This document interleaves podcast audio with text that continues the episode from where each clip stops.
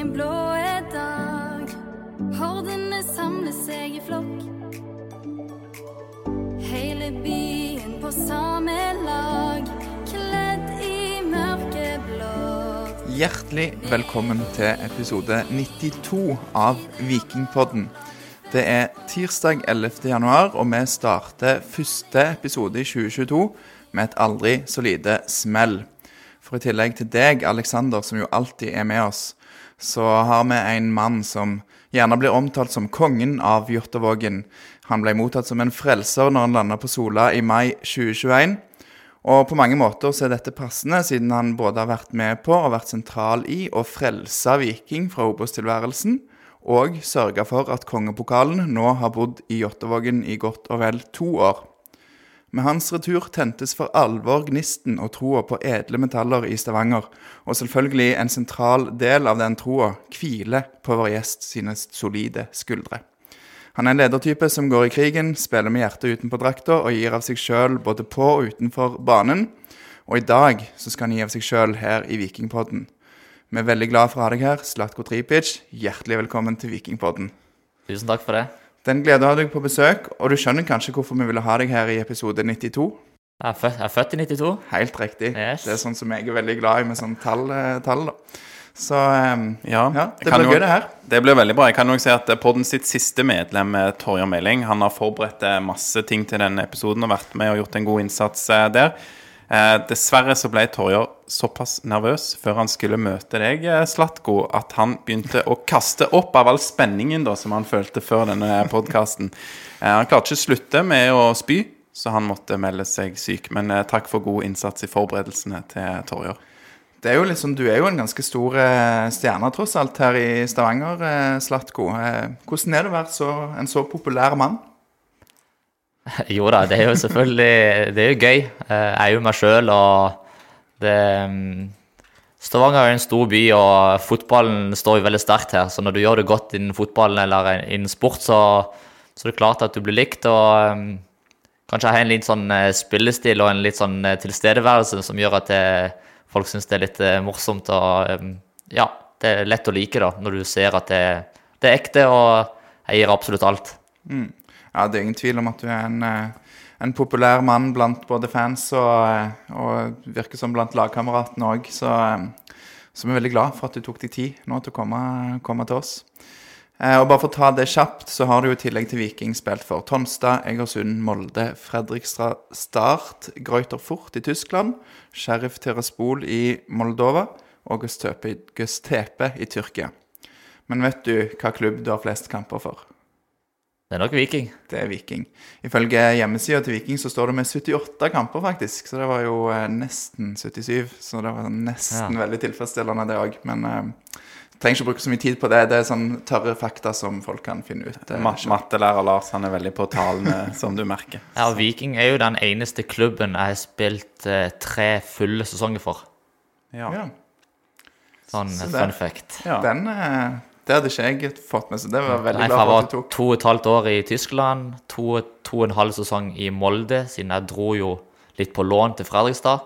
Så eh, ja, Obo-sesongen og 2019, og så ja, fjoråret. Så det er tre fulle sesonger i første gang i karrieren. Ja, og nå blir det fire og fem. Nå og- blir det flere, ja. Ja, det er Ja, på god vei til 18, som er målet. Ja, ikke sant, 18 ikke sant. fulle sesonger. Um, vi skal ta og varme opp med noen eh, kjappe introspørsmål eh, først, eh, tenker jeg. Det er liksom den første bolken, og så vi, har vi delt inn i litt forskjellige kategorier. Vi skal snakke om tiden fram til og med du var i Moldova. Og så er det opprykk og cupgull som er en kategori. Tyrkia, returen til Viking. Så er det en del om, om 2022, 2022, sesongen vi nå går inn i.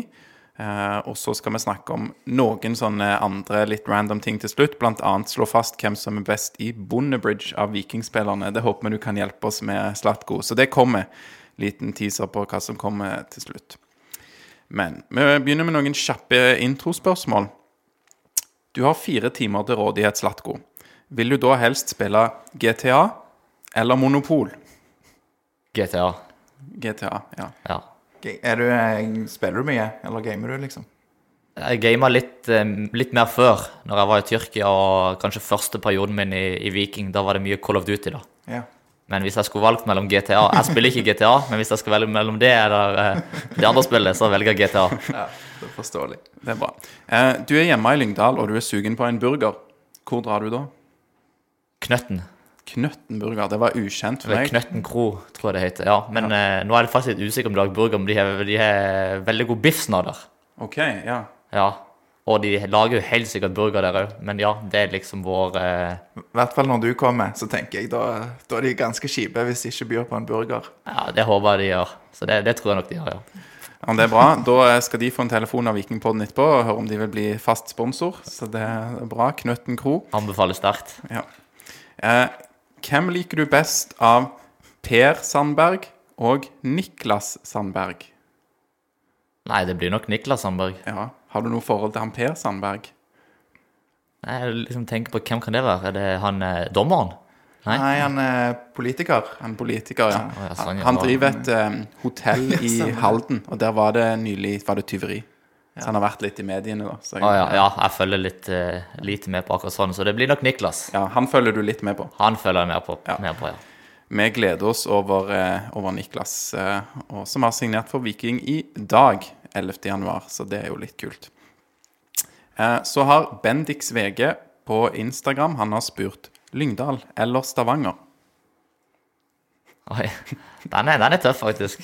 Nei, jeg må nok si, eh, må nok si min kjære, mitt kjære Lyngdal. Ja. Sånn, eh, det glemmer aldri hvor jeg vokste opp, så det står tett, det står nært. Det er bra. Det er jo på en måte et enklere spørsmål enn noen om, av de om Molde, som kanskje kommer. Folk er litt opptatt av din fortid i Molde, da. Ja. Så, men Lyngdal, det, det er innafor å rangere hjemplassen høyt. Eh, hvordan går det med skaden? Du var jo skada på slutten av 2021-sesongen. Jo da, det, det går mye bedre nå. Nå fikk jeg forrige, forrige uke på mandag så tok jeg av gipsen, og da hadde jeg hatt gips eh, på beinet i seks uker. Eh, trengte heldigvis ikke operere, men eh, foten var såpass skada at jeg måtte hvile godt og ha gips på. Så det var jo en ganske lang periode og kjedelig periode å gå på krykke så lenge. Nå er jo foten bra, eller bedre, så tar fortsatt noen uker med, med opptrening før jeg kan eh, begynne å trene sammen laget. Men det, det går riktig vei. Det er vel en stund siden sist det var såpass lenge uten at du var i trening eller spilte kamp, til og med. Det har jo vært en voldsom eh, intensiv periode for deg eh, de siste årene. Ja, det er det, så det, det, det passer jo aldri. Det er aldri, aldri, aldri et godt tidspunkt å få en skade, selvfølgelig. Eh, heldigvis, med min erfaring tidligere i karrieren, så har jeg hatt noen sånne småskader, så det, jeg tok meg ikke så Det var ikke så vanskelig periode som det kanskje kunne vært for noen andre hvis de hadde fått en sånn skade første gang i karrieren. Jeg har jo hatt litt sånn lyskeproblemer tidligere, selv om dette er en annen type skade, så jeg takla denne perioden ganske godt og var positiv, for det kunne vært mye verre. Selv om seks uker høres mye ut, så var, det, var jeg veldig heldig. For det kunne ha blitt Hadde det vært en leddbåndskade, så hadde det tatt mange måneder. Så jeg så egentlig veldig positivt eh, på det eh, etter første to-tre dagene. Så så jeg bare lys på at det kunne vært mye verre. Ja. Skal du være med laget på uh, første turen allerede neste uke, er det det? Ja, vi reiser 19. januar, Ja. og ja, det blir jo neste onsdag det. Så ja, jeg reiser sammen med laget og skal drive med egen trening der borte. Det blir bra. Det er jo eh, Nå går vi inn i litt sånne spørsmål som vi har fått fra lytterne. Vi skal inn i den første bolken om veien til å bli fotballspiller.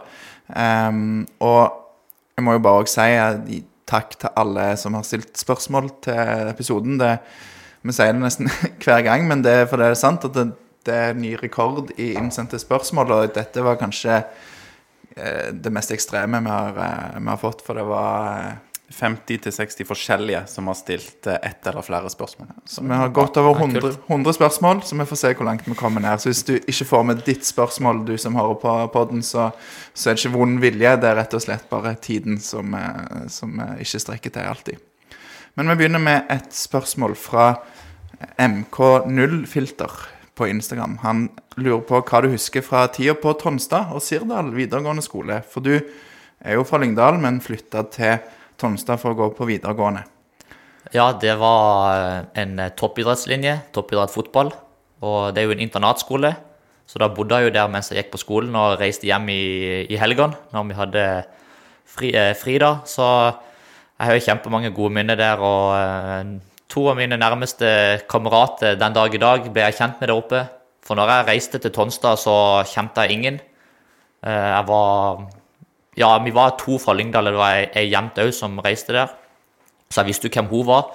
Men utenom det så kom jeg i et helt nytt miljø. Jeg visste ikke hvem noen av klassekameratene eller fotballaget var, så det var jo veldig spennende. Og to av mine nærmeste kamerater eh, ble jeg kjent med der oppe, som er fra Han ene bor i Stavanger, han andre i Kristiansand. Og det er mm, utrolig fint miljø. Eh, godt fotballmiljø, god fotballtrener. Eh, det var masse, masse trening, både på skoletid og utenom. og selv om Tonstad på den tida var, eh, spilte i femtedivisjon, litt lavere nivå, så var det et utrolig, utrolig fin kultur og fin, fint fotballmiljø som jeg glidde fort inn i og og ja, var med å danne, danna den personen jeg er i dag.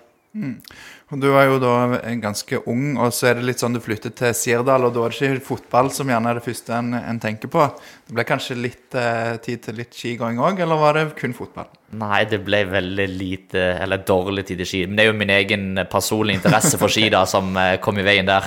Det burde jo vært mye mer på det, og jeg angrer jo litt på at jeg ikke var mer interessert, for de har utrolig fine skianlegg, både langrenn og eh, hvis du skal ned eh, på ba i, i bakke, så Men jeg er bare egentlig veldig lite interessert, veldig, eller dårlig òg, for å være helt ærlig. Dårlig på ski. Så det ble lite ski, mye fotball, mye snømåking for å gjøre banene klar.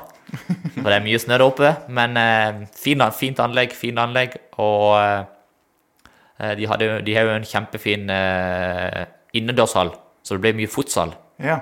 Og det passa meg veldig godt. Eh, småspill, eh, teknisk, og det fikk jeg godt utbytte av der der oppe. Litt variert trening med ute på ba- bane og litt styrketrening med måke snø, og så inn og teknikk og, og sånt. Ikke sant? Så det var mye trening der oppe. Men da er det sånn at du kanskje er glad for at uh, årets turer med Viking, det blir da til Marbella og til Portland. Det blir ikke Sirdal. Eller dere var i Sirdal i desember, var dere det? Ja, laget var, men det hadde ikke kommet ennå. Nei. Kom, de var jo der I tidlig. sesongoppkjøringen I i fjor. sesongoppkjøring i Ja, i fjor. fjor, ja. ja. Så de, de var vel der i ja. januar-februar, og jeg kom jo ganske seint. Men var, var det tur til Sirdal i desember i år nå? Istedenfor Chamonix? Ja, det var botur. Ja, det sånn var botur. laget sammen. Ja, så vi Ja. var en liten tur der oppe, ja. Så, men da rangerer du turer til USA og Spania foran tur til Sirdal? Jeg gjør, det nok, jeg gjør nok det. Men eh, jeg, jeg bestemte meg etter den boturen, eh, for det så så gøy ut. Det var veldig koselig, og selv om jeg var jo på krykke og satt inne i på en måte Varmestua. varmestua og så på de andre rant ned bakken der, så jeg kjørte litt snøscooter og var litt med der.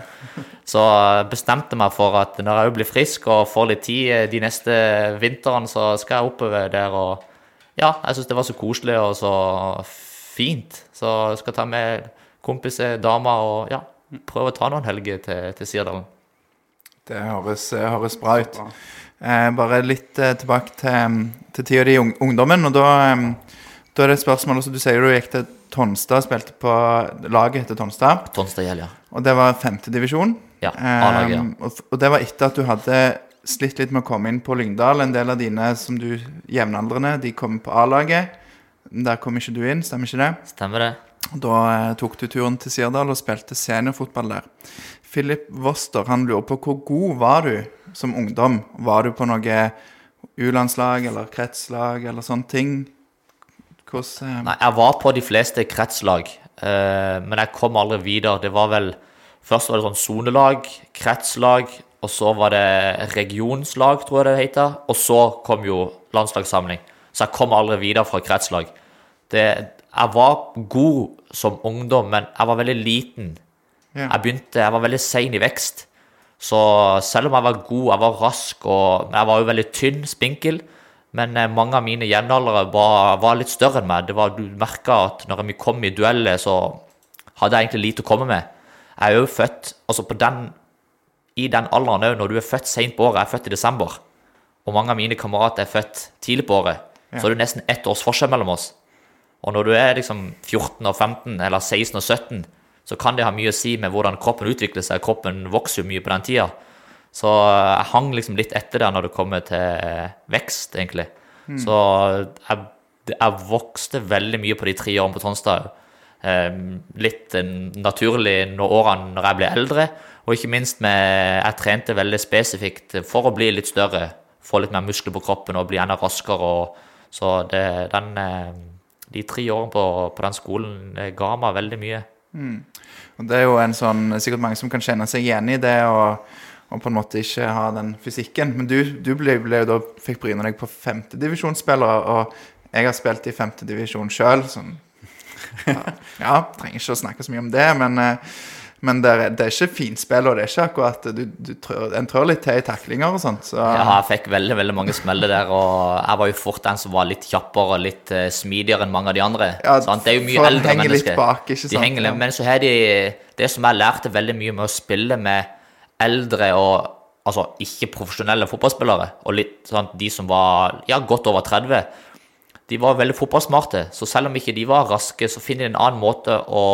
spille god fotball på.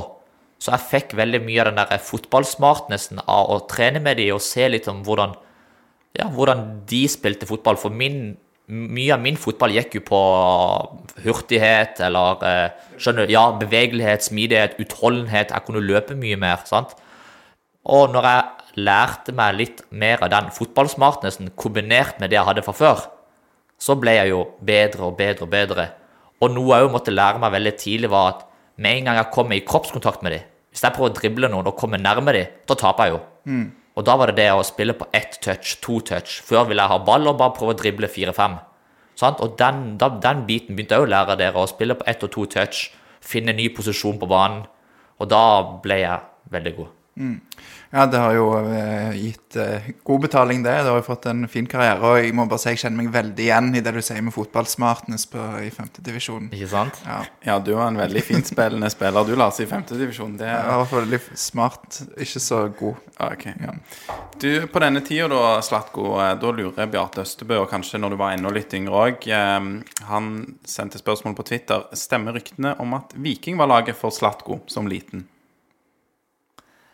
Det var ett av lagene som liten. Det var, det var jo Det er jo ingen hemmelighet at Start var jo liksom Det var jo Sørlandets stolthet. Sant? Det er det jo sånn sett den dag i dag òg. Ja, er, det, er det Sørlandets Jeg må liksom ikke Jeg kan, skal, skal ikke hakke for mye ned på det når det går dårlig for det, men eh, det er jo en, det er jo en På den tida i hvert fall, når de spilte på gamle stadion Jeg husker det når jeg, jeg husker godt den kampen da jeg var der og så liksom Start Rosenborg, gamle stadion, det var jo utrolig mye liv. Så jeg var jo ofte der og spilte fotball i Kristiansand, for det var jo nærmere Lyngdal. Eh, de som ble litt gode, de gikk jo til start. Viking var jo litt lengre da. Stavanger var jo litt lengre for oss når vi var såpass små. Så jeg var jo veldig sjelden i Stavanger. Men allikevel så var jo Stavanger den nærmeste, og Viking var den nærmeste klubben utenom Start. Så var på en måte de to. Eh, og så når jeg gikk på Tonstad, så spilte jeg en del futsal, og det er litt sånn Jeg ble kjent med Veton, Valon, og de var jo for Viking. Så jeg fikk jo litt den connection med Viking da. Så ja, det var jo egentlig de to lagene som eh, jeg på en måte kjente mest til da, og fulgte med på. da. Har du noe eh, kort svar på det? Har du noe forhold til Alf Kåre Tveit? Nei, jeg har egentlig ikke det utenom at han er egentlig fra samme område. ja. Men jeg vet, vet jo godt hvem han er, og hva han har gjort. da. Ja, for det er jo sånn Det pleier ofte å komme opp i poden, og nå har vi en fra Lyngdal her, så jeg tenkte jeg måtte, måtte bare ta en liten på det før vi går videre på, på det neste. Yes, eh, og da går vi fram noen eh, år, og det er jo en situasjon du har snakket om en del før, og det er jo 2011 når du signerte for eh, Molde. Så er denne det, ja, du, du, det er aktuelt, i hvert fall, eller Viking ønsker jo deg på dette tidspunktet. Og dette er noe som siden den gang, det er jo over ti år siden nå. Det har blitt snakka og skrevet mye om, men vi har jo òg en del yngre lyttere som kanskje ikke kjenner dette så godt. Eh, Stig Nilsen han skrev da eh, 3.8.2011 at Viking er rasende etter at Molde snappa talent, altså Slatko. Eh, og Viking vurderer å kutte ut hele samarbeidet med Egersund, da, som du spilte for på dette tidspunktet, etter at Slatko signerte for Molde. Eh, Bjarne Berntsen var jo da var det sportssjef eh, på det tidspunktet der. Jeg tror det, ja. Ja, for Åge Hareide var trener. Var trener. Ja, så han sa at de ville be Egersund om et møte om satellittsamarbeidet, og ja, det var mye, mye styr, kan man vel si. I hvert fall opplevdes det sånn for oss som bare leste om dette. Men eh, hva er historien eh, her, Slatko? Hva lå bak den avgjørelsen om å gå til Molde og Ole Gunnar Solskjær? Nei, Det er egentlig en ganske lang historie, men jeg skal prøve å gjøre den litt kort. Men det som var at eh, jeg dro jo til Egersund. Eh, det var kanskje mars 2011. Så jeg meldte jo overgang eh, et, mens jeg fortsatt gikk på, fortsatt gikk på, på Tonstad eh, tredje klasse, men, men ville ta et, et, et steg opp, og det var jo tredje divisjon. Veldig bra lag. Og på den tida, jeg er litt usikker på hvordan det er nå, så hadde de et samarbeid. En sånn satellittavtale med unge talenter, kanskje litt med, sånn som det med, Veton og Valand som var der. og så når de var gode nok, så dro de videre til, til Viking. Du var litt med på sånne ungdomsturneringer og sånn, eller eh, U19? Nei, det som var at jeg, på, jeg, jeg, var, jeg kom uh, til Egersund i mars, og så spilte jeg veldig bra der de årene. Vi møtte Viking i cupen. Første eller andre runde i cupen. Litt usikker. Og så, så tapte, vi jo selvfølgelig. Viking jeg tror de vant eh, 4-0, men jeg spilte veldig bra. Og så ble jeg omtalt i noen eh, sånne lokale aviser, jeg tror det var Dalane Tidene, den Slatko Tripic, den nye Valon Berisha. Eh, Fikk litt sånn, eh, da fikk Viking litt øye for meg, òg, at jeg var en 18-åring og gjorde det godt. Og så ble jeg invitert på, som hospitant for Vikings sin jet-turnering. Eller Viking spilte jet-turnering da, så jeg ble jo med og to andre, jeg tror de kunne ha med tre hospitanter. Og, og vi endte opp med å vinne den. Og det var Gary Gutscheil som var hovedtrener, og assistenten var vel Kjell Inge Olsen. Eller han var sånn eh, spillerutvikler, eller ja, jobba med de som var yngre da. Og eh, vi gjorde det veldig godt, og jeg gjorde det jo godt der. Og da begynte jo interessen for Viking å virkelig sånn OK, nå vil vi tilby deg en A-lagskontrakt. Eh, Men det kom liksom ikke helt Jeg fikk liksom ikke helt konkret den kontrakten rett etter den turneringa, så det tok litt tid. Var det noe kontakt med Åge Hareide her, eller? Nei, Åge Hareide har jeg egentlig aldri hatt noe kontakt med. Det er litt der på en måte jeg, jeg kommer litt tilbake til det at så Kjell Inge var veldig positiv, at Viking burde var interessert. Gary var jo veldig sånn at han, eh, klubben var interessert. Og så på, etter den turneringa så gjorde jeg det godt, og vi, jeg tror vi slo Strømsgodset. Og så fikk jeg en invitasjon fra Strømsgodset om jeg ville A-laget da, om jeg ville komme på prøvespill. Og det takka ja til. Så jeg trente med Strømsgodset. Og Ronny Deila, da? Ronny Deila var trener da. Og det gikk jo fint, og de var jo interessert. Men jeg, og så skulle jeg til Molde på prøvespill. Og det takka jeg selvfølgelig ja til. Jeg er jo en stor Manchester United-fan, så i tillegg, når eh, Ole Solskjær ville ha det, så syntes jeg det var utrolig spennende og ville komme opp der. Og så visste jeg på, mens jeg dro til Molde, at Viking òg ville at jeg skulle komme og, og snakke med dem om eh, kontrakt og, og om framtida, da. Og så, eh, så dro jeg til Molde, hadde tre-fire gode dager der oppe. Og Solskjær sa at de var kjempefornøyde, og at de ville tilby kontrakt. Og, så da visste jeg at de var, de var virkelig konkret interessert. Da var det Solskjær som hadde kontakt med deg? Og da var? Solskjær som var. Og når jeg kom hjem, så ringte han meg òg, når jeg kom hjem til Lyngdal, for å bekrefte at han, han er interessert, han vil gjerne at jeg skal komme opp, og han vet at det er flere klubber interessert. Og uansett hva jeg, ønsker, hva jeg velger, så unner han meg alt det beste. Men at han skal i hvert fall vite at Molde vil ha meg. Mm, Og som United-fan, Solskjær ringer på telefonen og sier det, må være ganske Ja. Selvfølgelig, det, en ting er det, men så var det var den eneste virkelig sånn at hovedtreneren vil ha det. Nå skulle jeg ta et valg, jeg skal liksom starte min karriere. Viking var jo selvfølgelig veldig interessant for meg på den tida, og jeg vurderte det jo, men jeg hadde aldri hatt en samtale med Åge. Så skulle jeg egentlig komme og trene litt med dem for å møte Åge og litt sånn. Eh, og vi hadde avtalt det. Så jeg tror litt av den der eh, sinnet eller den der irritasjonen kom var at jeg avlyste den. Jeg tenkte, For jeg sa til min, min eh, rådgiver og trener Jørgen Tengesdal eh, For han, han er jo en han er jo lang vikingkarriere bak seg, så han anbefalte meg jo alt med Viking. Eh, men jeg ringte han og sa at du, må bare, du kan bare ringe Viking og si at det er ikke vits for meg å gå der, for jeg vil til Molde. Jeg bestemte meg. Så det er bare, det er ikke vits å dra der engang. Og så tror jeg det utløste den der eh, miskommunikasjonen og ja, Misnøyen eh, fra misnøyen Viking. fra Viking, og så brukte jo de den. For de mente jo at siden jeg var i Egersund, og de hadde den satellittavtalen, så mener jo de at utgangspunktet på den tida at alle de unge spillerne eller beste spillerne skal automatisk gå til Viking. Men jeg inngår jo egentlig ikke den satellittavtalen. For jeg har jo ikke vært i Egersund siden jeg var tolv år gammel. Så jeg har jo bare vært i Egersund i fem måneder. Så det var nesten som på den tida at Viking var litt arrogante og trodde at det var en selvfølge at jeg skulle gå til Viking. Så jeg tror de tok litt lett på det, og ja, kanskje akkurat på den tida tok det som en sånn en selvfølge at jeg skal velge Viking. da. Så det var bare mitt valg om å takke nei. Så fikk jo Jørgen Tekkesdal fikk jo veldig mye tyn både i media og fans og egentlig alle, da. Og spesielt av Viking. Og det var jo veldig dumt. Ja, jeg, eh, jeg, jeg husker dette her, og um, håper, altså det virker som en viking i hvert fall nå har lært litt og ikke ville på en måte gått i den fella igjen, vil, vil jeg jo håpe Det, og det høres ikke ut som stilen til Morten Jensen å ikke Nei. ta kontakt med en spiller. Og, Nei, det er litt annerledes, annerledes tider nå, og det var Ja, det er jo helt annerledes folk som driver klubb nå, så ja. Men bare for å ta det, siden vi nå snakket om Jørgen Tengesdal kjapt, så fikk han jo litt redemption da når du kom tilbake til Viking. For da var vel han en sånn litt sånn pådriver for det. Vi kom jo inn på returen, men du kan ta akkurat det med Tengesdal. Ja, og det er jo det som er på en måte mors... Eller veldig sånn ma Mange tenker ikke over det, eller mange tror både de som jobber i klubben, og egentlig kanskje andre i Fotball-Norge, at han var den som sa 'gå til Molde om det er mer penger', eller på en måte ikke ville at jeg skulle til Viking. Men det var stikk motsatt. For han hadde et kjempegodt forhold til Viking, og jeg har et veldig godt forhold til Viking den dag i dag, så han anbefalte meg jo Viking på det sterkeste. Men at det skulle være mitt valg.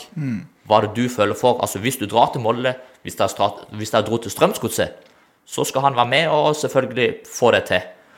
Og eh, når jeg var ferdig i eh, Sheriff, så igjen så anbefalte han meg sterkt å dra at om sa er Viking en mulighet for deg.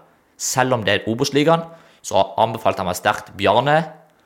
Han anbefalte veldig sterkt de to trenerne, eh, assistentene, da, Morten Jensen, Bjarte Lund Aasheim. At de to er unge, lovende, masse fotballkompetanse. Så det, det, den trioen der eh, Det er spennende tider i Viking. Så om dette var noe for meg Så da først kom jeg liksom inn på tankene med Viking, for hadde han kanskje ikke nevnt det, så er det ikke sikkert at det, Viking hadde kanskje vært en, et alternativ da. For jeg, jeg så ikke for meg at jeg skulle spille i Obos-ligaen, for å være helt ærlig. Nei, det, det var vel flere som var glad og overraska. det var jo Jeg husker, husker så at du var på prøvespill, så var det sånn Ja, OK, han skal holde seg i gang, eller ja. Men vi Ja, det var jo det som var planen, egentlig. hele. Det er jo mange som tror at det var et prøvespill, og noen kan tolke det på den måten, og det, det er helt greit. og jeg er, ikke, jeg er ikke flau eller eh, skal si at jeg var på et prøvespill. Jeg måtte holde meg i gang med en klubb mens jeg skulle finne ut av min situasjon nede i, i Moldova. Og eh, da fikk jeg invitasjon fra Bjarne, og jeg sa til han Det var ingen sånn første møte med, med, med Bjarne, så var det ikke at han skulle vise interesse eller noe. Det var jeg skulle ha en klubb å trene med, og de åpna dørene for meg, som jeg var ekstremt takknemlig for.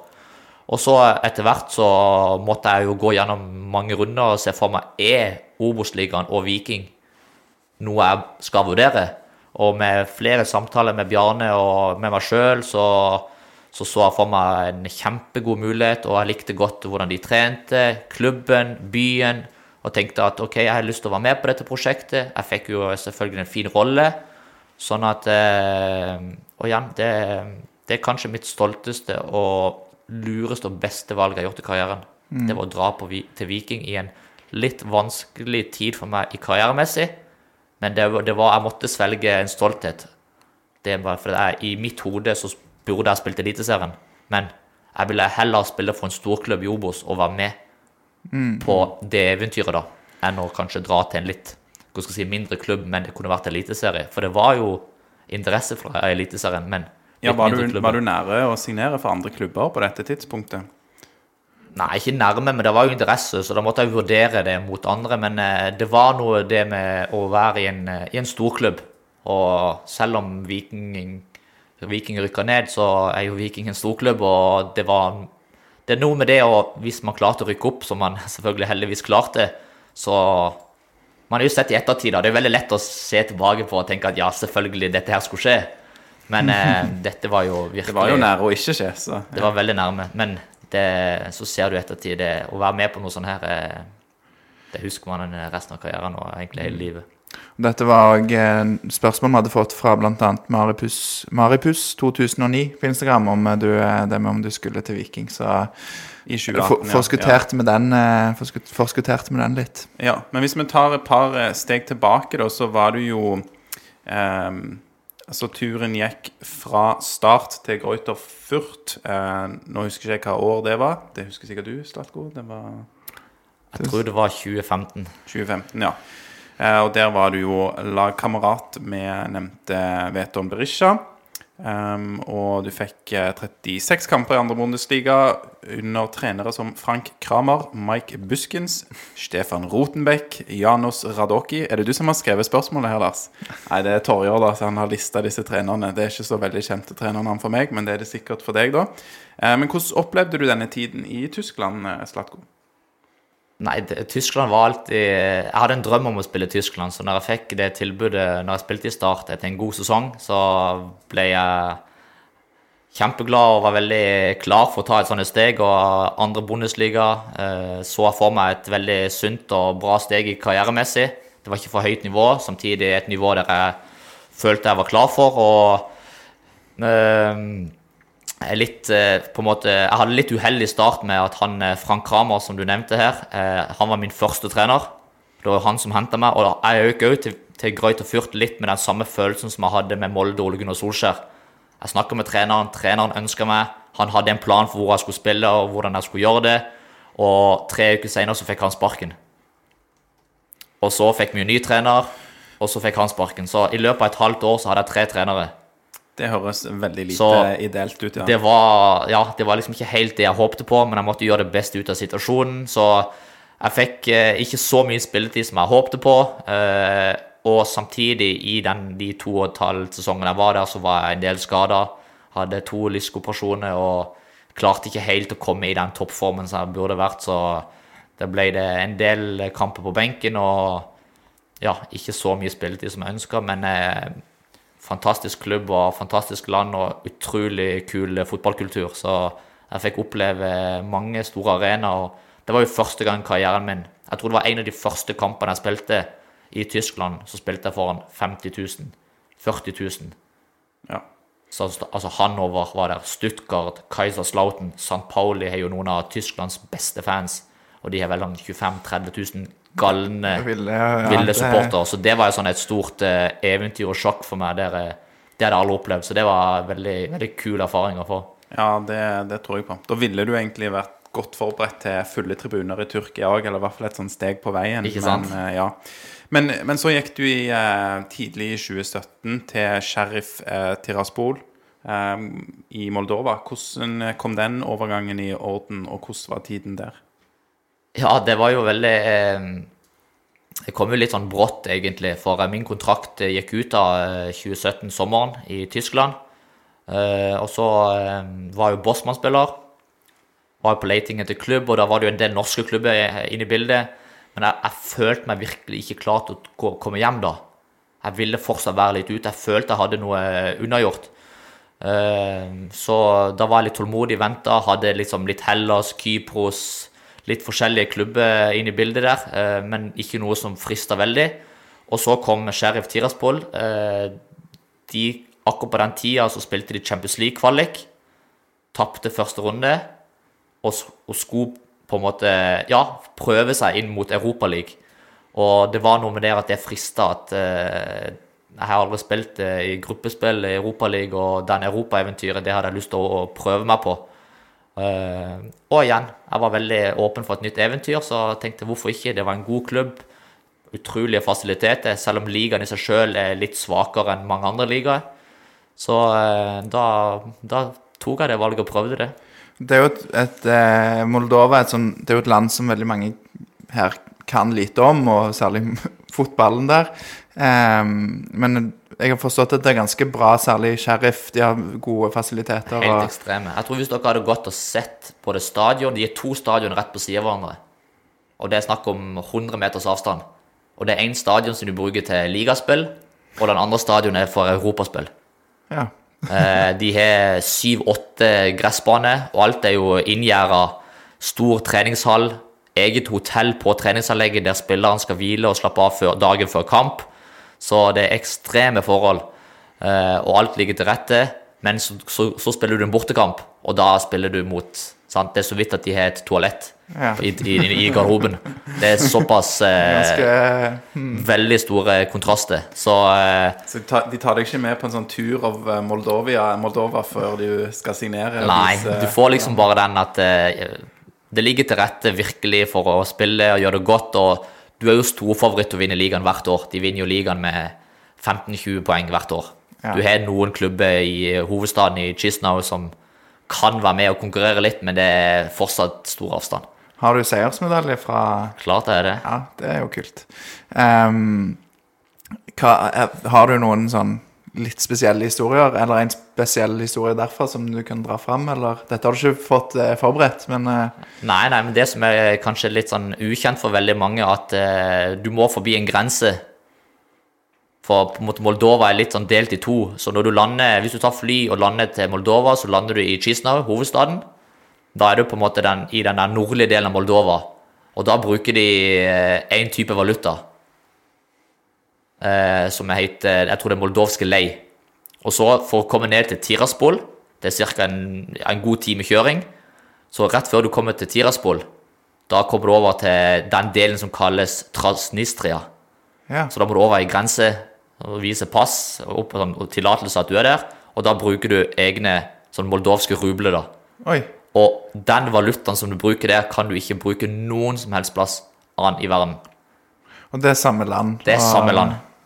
Og de spiller samme liga, men du må forbi der. Det er så spesielt. Det er litt sånn spesielt, og det er litt sånn eh, Ja. Vet du noe om bakgrunnen for dette? Er det Nei, det, det vet jeg ikke. Jeg tror det, det er jo sikkert noe med Russland å gjøre, og Ja. inngang inn til Ukraina, og det er jo litt mer sånn eh, Ikke at det er krig, men det er jo mer sånn militært. eh, Politiet går jo mye mer med våpen og typisk sånn eh, Litt eh, Hva skal jeg si Litt eh, dårligere sted i Øst-Europa. Ja. Moldova er jo kjent for å være et fattig land, sånn økonomisk, politisk og alt mulig.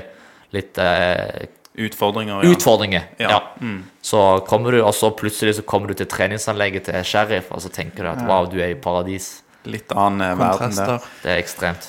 Du eh, fikk vel kanskje òg lønna da utbetalt i rubler, sånn at de skulle holde, holde deg hvis de ville holde deg, men eh, Nei, utlendingene fikk utbetalt enten euro, jeg tror det var euro eller dollar. Så det var litt sånn, med- altså De som var lokale, fikk jo i sin valuta, da. Så det var ikke noe problem med det. Men, eh, men denne tida tok jo Det ble ett år eh, cirka der. eh, Et halvt år. Et Det var halvt der en halv sesong. Og så, for jeg var jo en del skada de siste to månedene. Ja. Eh, For det som var, ting gikk jo veldig bra der i starten. Jeg spilte begge playoff-kampene mot eh, Legia Warszawa.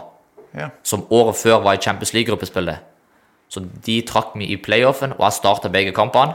Og vi slo ut Legia Warszawa, så da klarte vi å kvalifisere oss til Europaligaen. Så det var jo en, eh, sant, det var noe jeg husker kjempegodt, og det var sinnssykt kult, og jeg gleder meg veldig. Spilte de første kampene, og så, så skulle vi inn i gruppespillet. Og møtte Det var København, så var det Lokomotiv Moskva, og så var det ett lag fra Tsjekkia. Så vi hadde egentlig en veldig fin gruppe. Eh, Men uheldigvis igjen så fikk jeg en stor eh, strekkskade som gjorde at det, det gikk eh, faktisk noen måneder før jeg ble helt, helt frisk. Så jeg mista store deler av sesongen der. Og så, var det, så gjorde klubben det veldig bra. Og da følte ikke de at de hadde nytte for meg, da. Så da snakka vi om, om eh, Eller da fikk jeg beskjed om jeg kunne forlate klubben. ja. Og så var det, ja, måtte jeg jo ha en klubb òg hvis jeg skulle dra. Og til slutt så ble vi enige om å terminere kontrakten, og så kom jeg ut til Viking. Ja, og, alt dette har jo egentlig vært en eneste lang reise for å forberede deg på det som var eh, meant to be. Det du har omtalt som det beste valget i karrieren, nemlig å signere for Viking. Så, eh, så vet vi jo hvordan det gikk i 2018. Det ble eh, opprykk og banestorming, og eh, det ble en fin 2019-sesong som endte med cupgull. Og eh, det var jo eh, overskrifter i avisene. Jeg husket eh, noen kamper der eh, eh, du og eh, Nå må du hjelpe meg, Aleksander. Er Bal Balkan Brothers. Eh, Symer og Uldren. Uldren. Ja, stemmer. Og eh, der har da Vetle Eltervåg sendt inn et spørsmål på Instagram, og han lurer på om du har noe kontakt med disse andre to i den Balkan Brothers-trioen. Og nå er jo kanskje enda flere i Viking nå, men, eh, men eh, har du noe kontakt med de Yldren og Symer? Ja da, det har jeg veldig mye. Jeg snakker spesielt mye med Yldren. Han, eh, han ble veldig god kompis i den tida i Viking. Jeg kjente jo Symer litt fra før av, og vi møttes jo i Tyrkia òg, når Ja. han kom. når han, han kom jo der, så vi har jo spilt mot hverandre og møttes litt der. og jeg snakker med dem ganske ofte, og spesielt eh, snakker jeg ekstra godt med Uldren. For vi har jo et, eh, et godt vennskap utenfor fotballen òg. Ja. Og han lurer videre på om de, eh, hvis du har kontakt, om hvordan de trives i, de nye, i klubbene sine. Inside information her. Nei, Zymer gjør det kjempegodt. Han spiller masse, trives godt i Tyrkia. Har fått en fin rolle. og det er en sånn fun fact at hans sin trener var min første trener i Tyrkia. Ja. Ja. Så det var han som henta meg.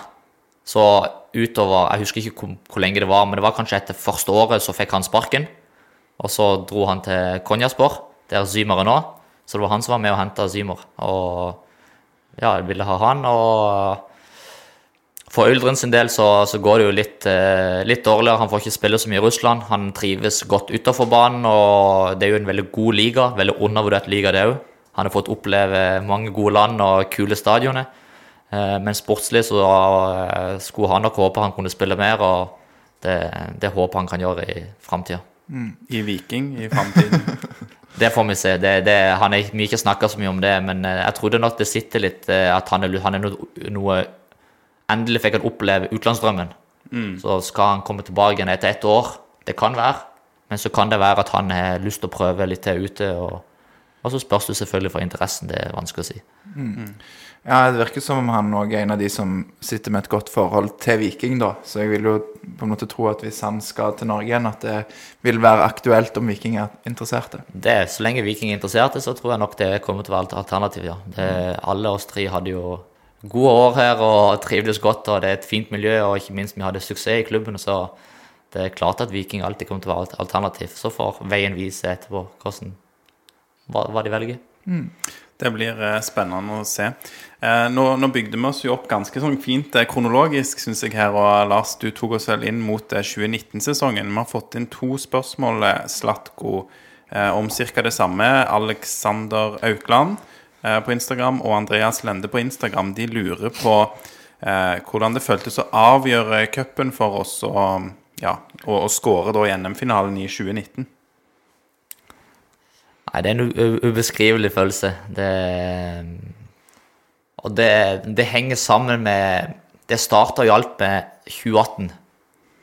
Altså det igjen, det var det prosjektet, det da jeg kom her og skulle liksom klare være med og bidra sammen med eh, trenerteamet og hele den unge, nye gjengen rykke opp. Og det var utrolig vanskelig prestasjon. Sant? Vi hadde så stort press på oss. Det gikk dårlig mange kamper. Vi hadde en periode i sommer der det gikk skikkelig dårlig. Presset utenfor ble jo bare større og større. Vi, vi svikta. Selvtillit var liksom ikke så bra som den burde vært. Allikevel så ga vi aldri opp. Og så når, liksom, når vi hadde Når det var så høyt press på oss siste avslutning av 2018, så klarte vi det. Og da klarte vi å skape en sånn ny vinnerkultur i klubben. Vi klarte, å, vi klarte det første målet. Dette var det første steget på den, på den klatringa Viking som klubb skulle være. Eh, og så kom vi inn i 2019-sesongen. Eh, vi hadde nesten ingen spillere som hadde spilt i Eliteserien. Det var vel meg, Tommy Jeg tror kanskje Viljar hadde noen kamper. altså Utom det så var det masse debutanter. Christian var debutant der. Torstvedt. Arden Pereira. sant? Iven hadde jo litt erfaring. Så plutselig så bare tok vi den eh, ligaen med storm og spilte morsom fotball. Veldig god kontringsfotball. Skårte mange mål. Vi var det laget som holdt nullen flest ganger i ligaen det året. Hvem skulle trodd? Hvem skulle trodd når vi slapp inn så mange mål i Obos-ligaen? Eh, vi ble jo, eh, vi ble jo eh, tippa ned av alle sammen, og det skjønner jeg jo litt med tanke på hvor mange mål vi hadde sluppet inn, og ikke minst med den eh, Vi hadde ikke den rutinen. Og vi bare samla så masse energi, spilte god fotball, slo ut liksom lag på lag i cupen. Eh, vanskelige kamper. Det var jo marginer, en straffekong som gjorde at vi slo ut eh, Ålesund. Så lagde vi festfotball her mot Ranheim. Og så ikke minst eh, får du liksom Ja, det er jo nesten drømmefinale når du møter lokaloppgjør. Haugesund, full stadion. Du vet at det blir masse tenning både før kamp eh, og lenge før. Sant? Mange uker før. Sant? Det blir jo snakk om det. Og så er det jo en kamp som egentlig bikker litt.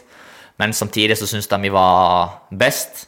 Vi, hadde, vi så mest solide ut, selv om det var veldig mye nerve i begge lag, egentlig, og veldig mye som sto på spill. og da er det jo selvfølgelig veldig Da føler jeg jo ekstra stort press på meg når jeg gikk fram der som kaptein. og med mest erfaring og eh, utrolig stolt å kunne avgjøre det. Og jeg er veldig glad for at jeg satte den straffen i mål. Ja, Det er veldig mye rundt det. og Du, du beskriver jo den oppbyggingen til den kampen veldig bra. og Så har jo vi snakka litt om, eh, Lars, at eh, det er litt sånn ekkelt å møte Haugesund. For nå, nå var det jo én kamp i eh, 2020 borte der vi tapte 4-2. Men utenom det så har jo de kampene vært mye sånn som ligger på sånn 0-1, 1-0, 1-1. Og at vi da bikker akkurat den kampen i vår favør, cupfinalen 2019, det er jo ja, kritisk. Og det er litt sånn eh, Ja. Det er så svart-hvitt, liksom. Det blir så utrolig bra når du, når du lander den. Dette var jo òg et vikinglag, eller det er jo fortsatt et vikinglag som Eller det var et vikinglag som hadde et stempel som et lag som alltid svikta sant, når det gjaldt. Det var cup- cupsemien i 2015, det var liksom gang på gang i 2017, og nå går det bra. Men det går bra til et visst punkt, og så svikter vi. Men eh, jeg må jo si altså sånn at du har hjemmekampen mot Sandnes, eh, du har eh, opprykkskampen, du har semifinalen Hjemmekampen hjemme mot Sandnes, hvilken er det, Lars? Det i 20 Obos 2018. 16. mai Ja, 16. 2018. mai-kampen. Ja. Fullstad stadion. Og da, det, er jo, det var jo liksom, du nevner det veldig godt der. og det akkurat det du sier med den kulturen og hva skal jeg si, den kulturen som var i Viking, at du hørte alltid at Viking svikter i store øyeblikk. Og Det var noe som sånn, det plagde meg skikkelig, det plagde veldig den gruppa. For det var jo en helt annen gruppe som var der da, og nødvendigvis ikke var det de årene før det. Men det satt liksom langt inne at ok, nå kommer det en stor anledning. Nå skal man eh, skal man egentlig liksom ha trua på at det, det kommer til å gå. Og det var noe som trigga meg, og ikke minst mange andre, at eh, ok, nå skal vi være med. Først må vi bli kvitt den kulturen. Viking skal ikke svikte i store øyeblikk. Det er nå vi stråler enda mer. For det er klart at når det blir fullsatt stadion, det, det er jo kjempebra, og det er mye privilegerte som får lov til å spille foran så mange folk. Men det er klart at presset blir litt større. Du vil jo ikke skuffe. Du vil jo ikke skuffe de som kommer der. Sant? Du, når du hører den jubelen med, med skåringer Du vil ha Du vil skåre ti mål, sant? men det er jo ikke alltid like lett. Så første kampen var den du nevnte, 16. mai. Første gang det skal fullsatt stadion med den gruppa, med den gjengen. Og da igjen hadde du Christian. Du hadde Adrian. Du hadde alle unge Viljar, som kanskje ikke hadde opplevd det, å spille foran så mange folk. Eh, og så bare rant jo målene inn. Vi, jeg tror vi leda 4-0 til pause, eller 3 eller 4-0 til pause. Leverte jo helt ekstremt. og bare Det var den første, det var første riktige steget der at ok, dette er en stor anledning. Viking svikter ikke. Og så kom det jo bare på rekke og rad, der du nevnte de fire siste kampene Ja. i 2018. Vi måtte vinne alle for å rykke opp, og vi vant alle. Ja. Sant? Og det, selv om det er marginer, men vi klarte å vinne de. Tommy Høiland sitt eh, mål mot Ullkisa, som var vel kanskje det første steget, det var, da, sant? Det var 90 pluss pluss minutt. Og så kommer, ikke minst, så kommer jo eh, Ranheim hjemme. Det var sånn Alle jubla når vi trakk Ranheim hjemme i semifinalen. Ja, nå hoppet du over opp, finalen mot Kongsvinger hjemme. Eller Ja, Ja, ja Men- selvfølgelig. Ja, beklager, beklager. Og ikke minst Kongsvinger. Og det var jo sånn, selv om fullsatt stadion eh, Måtte vinne for måtte vinne, og så slipper jo Even inn den der mellom beina. og så merker du bare at det er helt sånn nervøs stemning, så, Mm. og spillerne er nervøse igjen. Men så, så klarer vi allikevel å ha den X-faktoren, og det, det lå liksom i blodet vårt at vi svikter ikke. Så vi klarte å endre den. Og så kommer liksom året etterpå igjen, Brann hjemme. Man kan si om det var marginer her og der, ja, klart det, men du må ha det i fotball. Og så bare, og Brann ble jo tippa og regna som gullkandidat det året. Sant? De hadde henta mange gode spillere. Og Veton valgte jo å gå til Brann, så klart at de hadde jo kjempegodt lag. Og, men så klarte vi å vinne. Og så liksom, så det, Hver sånn stor anledning etter det, så klarte vi å prestere god fotball og vinne de kampene. Og så det vi mente med den Ranheim-kampen, det var jo spesielt for Jeg husker etter Ålesund så trakk de kampen vel Så Ålesund i dette er semifinalen i cupen 2019. Ja, så dette er semifinalen eh, i 2019. Så trakk vi Ranheim, som var utgangspunktet det enkleste laget på papiret. Og mange jubla, mens jeg ble litt sånn igjen at dette er det laget vi ikke er slått ennå. For vi Ja. spilte mot Ranheim borte, tapte. Spilte mot Ranheim hjemme i serien, leda 2-0, ble 2-2. Ja. Så dette er et lag som vi er splittet mot, og i utgangspunktet er veldig underdogs. Det som var veldig bra, at vi hadde hjemmebane. For da vet du at da blir det Nå skal vi mobilisere, men det var OK, vi må fortsatt ha full fokus og ikke tro at eh, cupfinalen er sikra. Og så igjen leverte vi fantastisk fotball, og du bare så selvtillit hos gutta. Og bare 4-0. Ble det 4-0 ja, eller 3-0? 3-0 var det kanskje. Kanskje det ble 3-0. Ja, uansett solid. Ja, Veldig solid. veldig solid. Ja. Og så igjen kom vi til finalen, og da hadde vi bygd oss opp en sånn veldig at Viking klarer å levere under, i sto, på store anledninger. Og det var liksom, og alt starta da i 2018. Så det er derfor jeg syns den der ekstra cupfinalen er sånn et skikkelig bilde på at eh, når det, er- når det er store anledninger og stort prest, så, så er vi som eh, lag og klubb vi er klare for det. Og vi, vi har jo sett det jo, altså ikke i år, eh, 2021-sesongen òg, der vi har eh, altså, havnet unna snudd kampene enormt mange ganger. Var jo utrolig De som sier det at eh, Viking liksom bukker under press, de kanskje har fulgt veldig godt med de Nei. siste årene. Men så har det vært litt spenning, sant? for i 2019 og 2020 så var det liksom du kom opp i Eliteserien. Du hadde egentlig ikke sånn forventninger til at du skulle Altså du skulle helst på over halvdel, og så på en måte femteplass er godkjent, var det da. I år var det jo faktisk medaljestrid ganske Altså fra sommeren av, etter en rekke med kamper der vi hadde snudd kamper og kommet unna.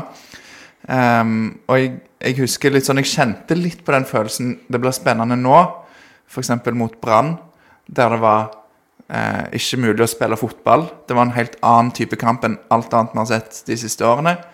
Eh, og Viking lå Vi lå jo an til å på en måte Nå snakker du om plaskekampen i Brann, Lars. Der det var, så mye, ja, ja. det var så mye vann på banen, og Brann kjemper for å unngå nedrykk. Og du skulle jo tro at det passer de helt ypperlig, men det er jo Viking som, eh, som takler det best. Mm. Ja. Og, og så har du Mjøndalen borte, der det var sånn vippekamp der det ble avgjort helt til slutt eh, i, i um, sent på høsten. Og så eh, Ranheim borte.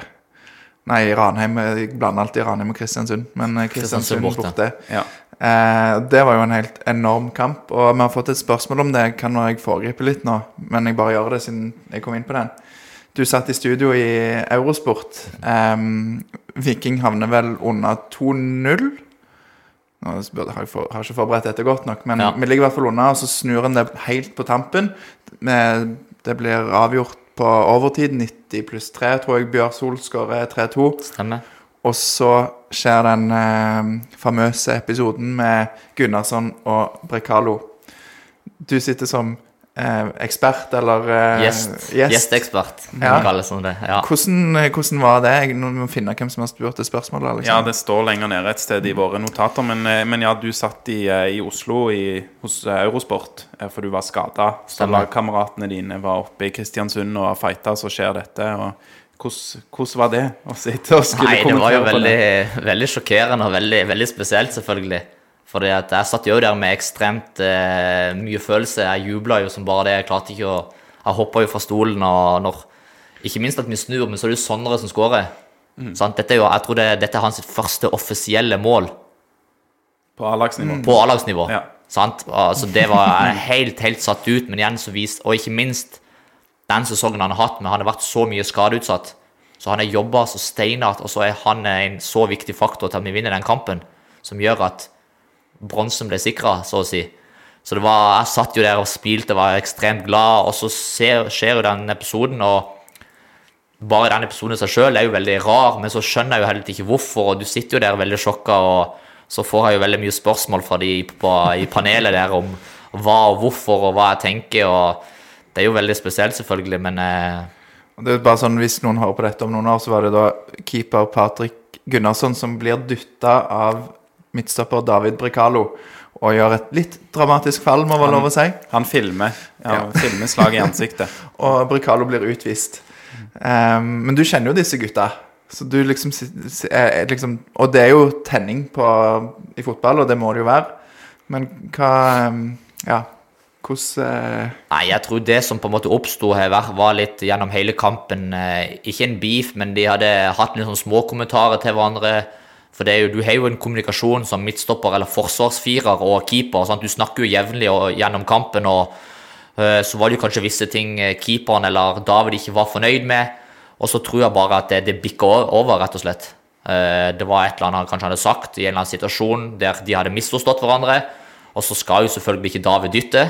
Det vet jo han, og han var jo sinnssykt lei seg for at han gjorde det, men det kom som uh, Det kom bare sånn ren instinkt, tror jeg. Og kanskje han òg var litt misfornøyd med hvordan han hadde spilt den kampen, for de slapp jo inn to mål, kanskje litt sånn lette mål.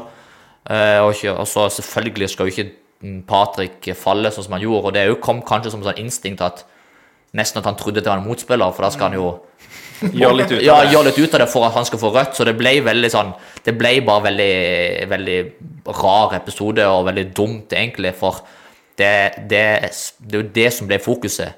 Og fokuset skal heller være at nok en gang så klarer vi å snu en kamp mot en så vanskelig motstander, og ikke minst at matchvinneren var Sander Bjørsvold. Så, men så klarte de å skvære opp veldig fort, og det, de snakker godt om det i garderoben, og heldigvis så er vi veldig flinke med det i klubben. og At det godt, eh, blir, godt, blir ferdig med det fort. Ja, det er bra. Det var for øvrig eh, Henna, han heter et eh, Wagavi Gotski på Twitter, som lurte på det. Eh, men, men skulle du ønske at du ikke satt i det studio, eller gikk det helt greit, eh, Slatko, som å kommentere på dette? Nei, jeg tror kanskje egentlig det var litt bra at jeg satt i det studioet der, for da kunne jeg òg eh, dempe ned litt den der eh, Det er ikke så alvorlig som det kanskje ser ut til. For du fikk jo snakka med Ja, så da fikk jeg jo For jeg var jo i studio live gjennom alle kampene. Så er det jo pause, for da er jo hovedkampen, og det tror jeg var Molde-Brann. Og da sitter jo vi og spiser middag etter, mens den kampen pågår. Og så skal du jo på fotballkveld etterpå. Og i, i, mellom, eller i den kampen mellom Molde og Brann så tok jeg noen telefoner til Løkberg og trenerteamet og David og høre litt om hva er skjedd. og Da får jeg litt eh, informasjon om at alt er roa seg ned. og Det var dumt, men de snakker godt om det, og da kan jeg òg fortelle det i fotballkveld at dette her er ikke så ille. Og, ellers så kan det fort være at det tar veldig veldig mye fokus og blir bare verre og verre og verre. Så jeg tror kanskje det var egentlig veldig heldig at jeg satt der og kunne fortelle at ikke det var så ille. da. Syns i hvert fall du takla det godt, for det er jo en litt vanskelig situasjon. sikkert for deg. det, ja, ja, det er ubehagelig å sitte der For meg og som er glad i klubben, så setter jeg pris på det. Så ja, takk ja, for det. ja, det var veldig greit å sitte der. Det var det. Og du kan jo kanskje kjenne deg litt igjen i dette med temperatur, for det, det har jo vært et, altså det har jo vært noen episoder, eh, og da er vi jo tilbake i 2018-2019, din første periode. Jeg har ikke plukket opp noe forrige sesong, men, eh, men det var jo blant annet noe mellom deg og um, han eh, Tord Salte. Ja. Hva skjedde der? Nei, det er jo litt av, litt av det samme, egentlig. Det, det er veldig mye tenning, og det er, folk er vinnere, folk er slitne. Og så er det jo ofte uenighet, og da kan det av og til bikke litt over. og sånn, Ting kan jo skje. Selvfølgelig er det visse ting man kan akseptere, noe man ikke kan akseptere. Og så tror jeg bare veldig viktig å bli ferdig med det veldig fort. Og meg og Tord der hadde en, eh, en, en sånn beef. Han, eh, jeg fikk en stygg takling. Jeg reagerte på en veldig voldsom måte. og det tok en halvtime etterpå, så snakka vi god klem, snakka med Bjarne, sto opp for en gruppe og unnskyldte oss. For der og da så tenker du ikke fornuftig. Og så, når du, så klarer du å ta det og bli veldig god kamerat etterpå. Og jeg husker jo jeg skårte jo mål mot, eh, mot Ullkisa kampen etterpå. Og da løp jeg jo bort til han og ga han en, et stort kyss på kinnet, for eh, det var liksom bare Det er bare kjærlighet. sant? For vi er jo lagkamerater, vi er jo glad i hverandre. Så av og til kan det oppstå litt sånne situasjoner.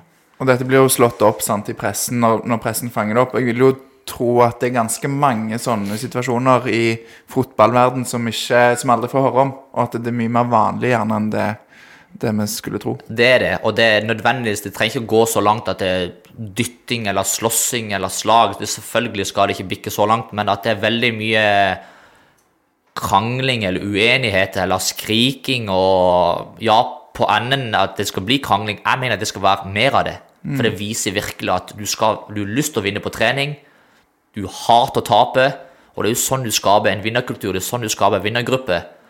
Men eh, også at vi pusher hverandre og skal Det skal Husk at man er Nå er i Viking er vi jo nesten 30 spillere. Det er ikke lett å få alle 30 til å være enige hele veien. Nei, også, det er jo en prestasjonsgruppe. Det Det er handler jo om å, å gjøre det best mulig. Og, og sånn, du, du ble takla hardt, du er redd for hva det vil si for deg og din karriere. Og, Klart, klart det. og så er det jo på en måte det som skjer etterpå, da, som, som jeg syns viser Og vi har vært veldig veldig gode på det um, som klubb eh, før og både nå. og Det må vi fortsette med at eh, både treneren er jo veldig tydelig og slår ned på det veldig at dette er ikke akseptabelt. Og så har vi jo vært veldig veldig gode på at spilleren står opp for en gruppe og unnskylder seg. David var utrolig lei seg for det, den episoden han gjorde, og beklagde seg veldig. og Han er jo veldig redd for at gruppa skal tro at han er sånn hele veien, men Ja. det var bare så mye så mye følelse der og da. Han ville jo bare vinne, og sammen med Patrick. og det, det, det oppstår sånne situasjoner, og av og til så kan det i media se ut som det er mye verre enn det det egentlig er. Eller at det varer mye lengre. For sånn som David og Patrick, det var kanskje halvtime i garderoben der Morten og Betty sa noe, men nesten før de fikk sagt noe, så gikk David han tok, tok opp hånda og bare Sorry, guys. liksom Og fortalte at det var virkelig ikke meninga. Jeg er så lei meg. Sånn, så det går veldig fort over. Ja, Ja. det er bra. Det, og vi så litt typer. Altså, som Bjarte og Morten snakker om, typer i klubben. Veldig. At de er vinnerskaller, men at de har den der. Ydmykheten, som er veldig viktig. Ja. De må bare fortsette den eh, gode hva heter det, screeningen og bakgrunnssjekken som de eh, så langt synes syns jeg har eh, gjort en veldig god jobb med. da, På nettopp det med typer en får inn, ikke bare hva en kan gjøre med, med ball i beina. Så det er viktig. Eh, jeg tar oss to år tilbake igjen. Jeg, klar, jeg slipper ikke cupen og det greiene helt ennå. Ja, Vi har hoppet litt fram og tilbake. Vi var jo i Ranheim, igjen, Kristiansund. Og så var vi i. Og, Lars ja. må reise opp til Nordvestlandet og Trøndelag og lære seg Enig. hvordan er. Ranheim er en bydel i Trondheim, Lars. Ja, så Kristiansund er en egen by. Den Men jeg- ligger isolert fra alt Men jeg annet. kaller jo Løkberg for Vikstøl omvendt, så jeg vet ikke hva det er en sånn kobling ja, er med Sørlendingen og trønderen der. Ja, Ja. det, er- det er Ø i navnet. Det skal ikke mer til. Sånn er det. Men i dag eh, igjen 11. januar så har vi signert eh, Niklas Sandberg fra Haugesund. Og Bjarte Østebø spør på Twitter om det var flere av FKH-spillerne som ga uttrykk for at de gjerne, eller aller helst kanskje, skulle vært vikingspillere i løpet av banketten i Oslo i 2019, eh, Slatko. Det var, det var et spesielt spørsmål. Tror du, Kan vi vente oss et renn av Haugesund-spillere til Viking? nei, det tror jeg ikke, for jeg tror ikke de er gode nok for Viking. Nei, det er jo Niklas er god nok, men det er ikke mange der som jeg ville ha bytta ut med våre spillere, eller som hadde forsterka vårt lag per dags dato. Så det er egentlig et sånn ganske enkelt svar. Og, eh, så, ja, på, på den tida så var jo Haugesund et veldig godt lag og gjorde det jo godt. og de slo jo ut eh, Odd eh, 3-0 borte i semifinalen, tror jeg. Så de, veien de sin var heller ikke lett. Så vi visste jo at vi møtte et sterkt lag, og ikke minst eh, lokalderby. Så litt sånn som du nevnte historikken, så er det alltid jevne kamper. Det er veldig få mål, utgangspunktet. Så eh, ja, det var jo selvfølgelig mange bitre og skuffa mm, Haugesund-spillere der. Mest av alt det, og det tror jeg han eh, Niklas òg ga uttrykk i et intervju, hvor svake de var da. Vi var jo ikke strålende heller. Nei. Vi klarte å bikke og hadde det lille ekstra som gjorde at vi klarte å vinne, men de var jo dårlige. De skapte lite, De skapte lite, og de, var, de spilte ikke den fotballen de ønska, så det var jo masse skuffa, selvfølgelig, og det, det er det uansett på en bankett. Det skulle jo bare mangle. Gikk det fortere enn du hadde trodd å vinne noe med Viking? Det var jo noe du hadde lyst til når du kom Ja. til klubben. Fort svar og veldig Jeg hadde en drøm om å vinne noe, men jeg trodde ikke det skulle gå så fort. Cupen er jo naturligvis Hva skal jeg si det, det er lettere å vinne cupen enn serien. Sant? For du går jo ikke gjennom så mange kamper. Du skal være litt heldig med trekning, men samtidig så er det vinn eller forsvinn. Så eh, ja, jeg trodde, jeg trodde virkelig at jeg kunne være med og vinne noe med Viking. At det skulle gå andre året med en så ung gruppe. Eh, en gjeng som ikke har spilt eliteseriefotball før, før 2019.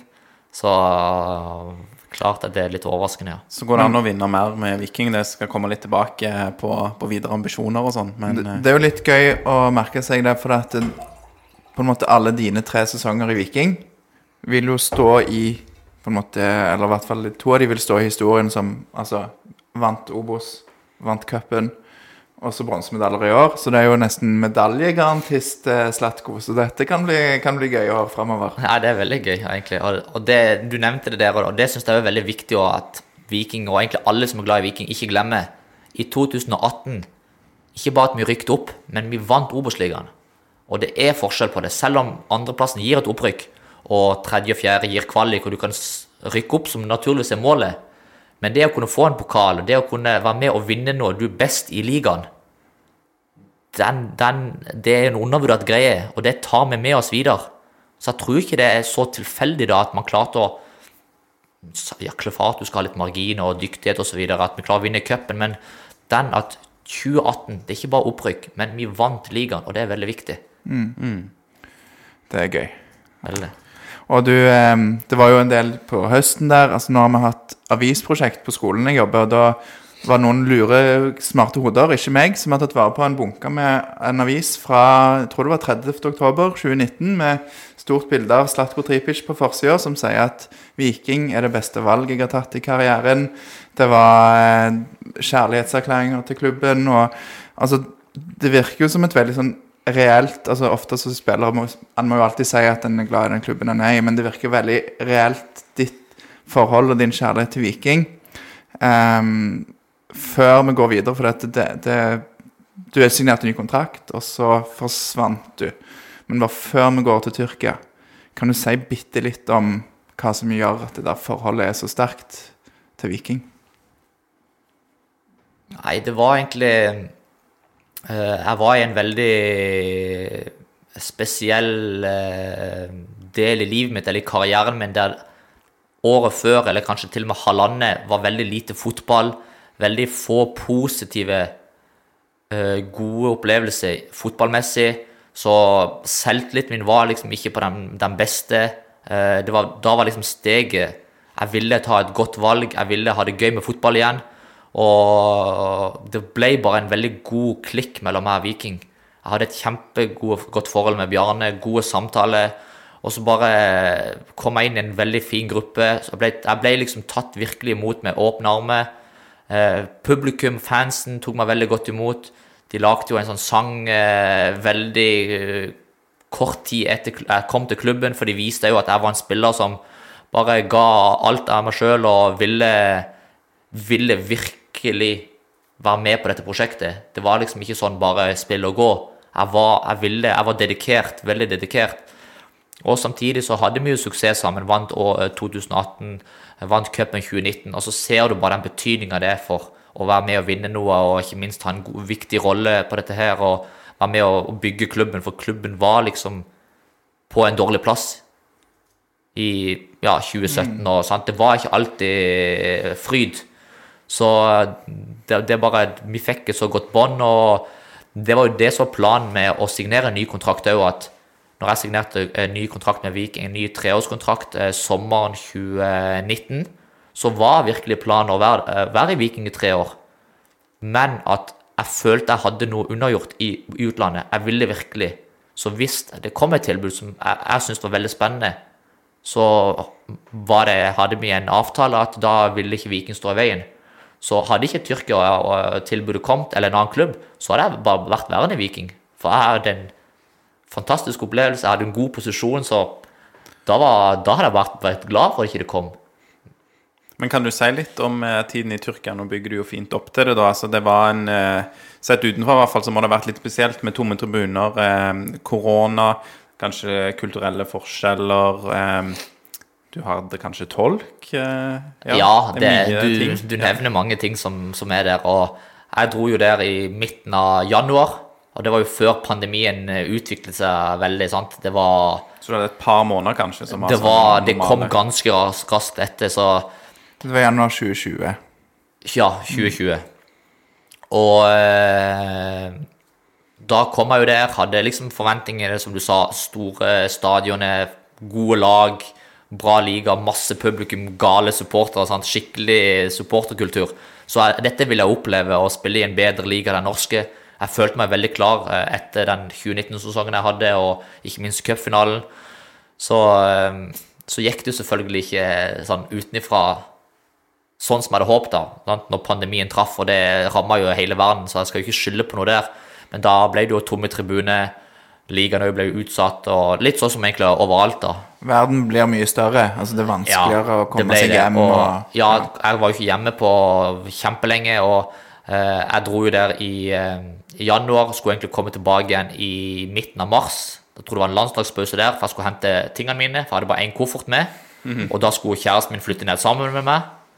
Eh, Men da stengte de jo grensene i hele verden, så hun kunne ikke få komme ned. Så jeg så jo ikke samboeren min på nesten eh, åtte måneder.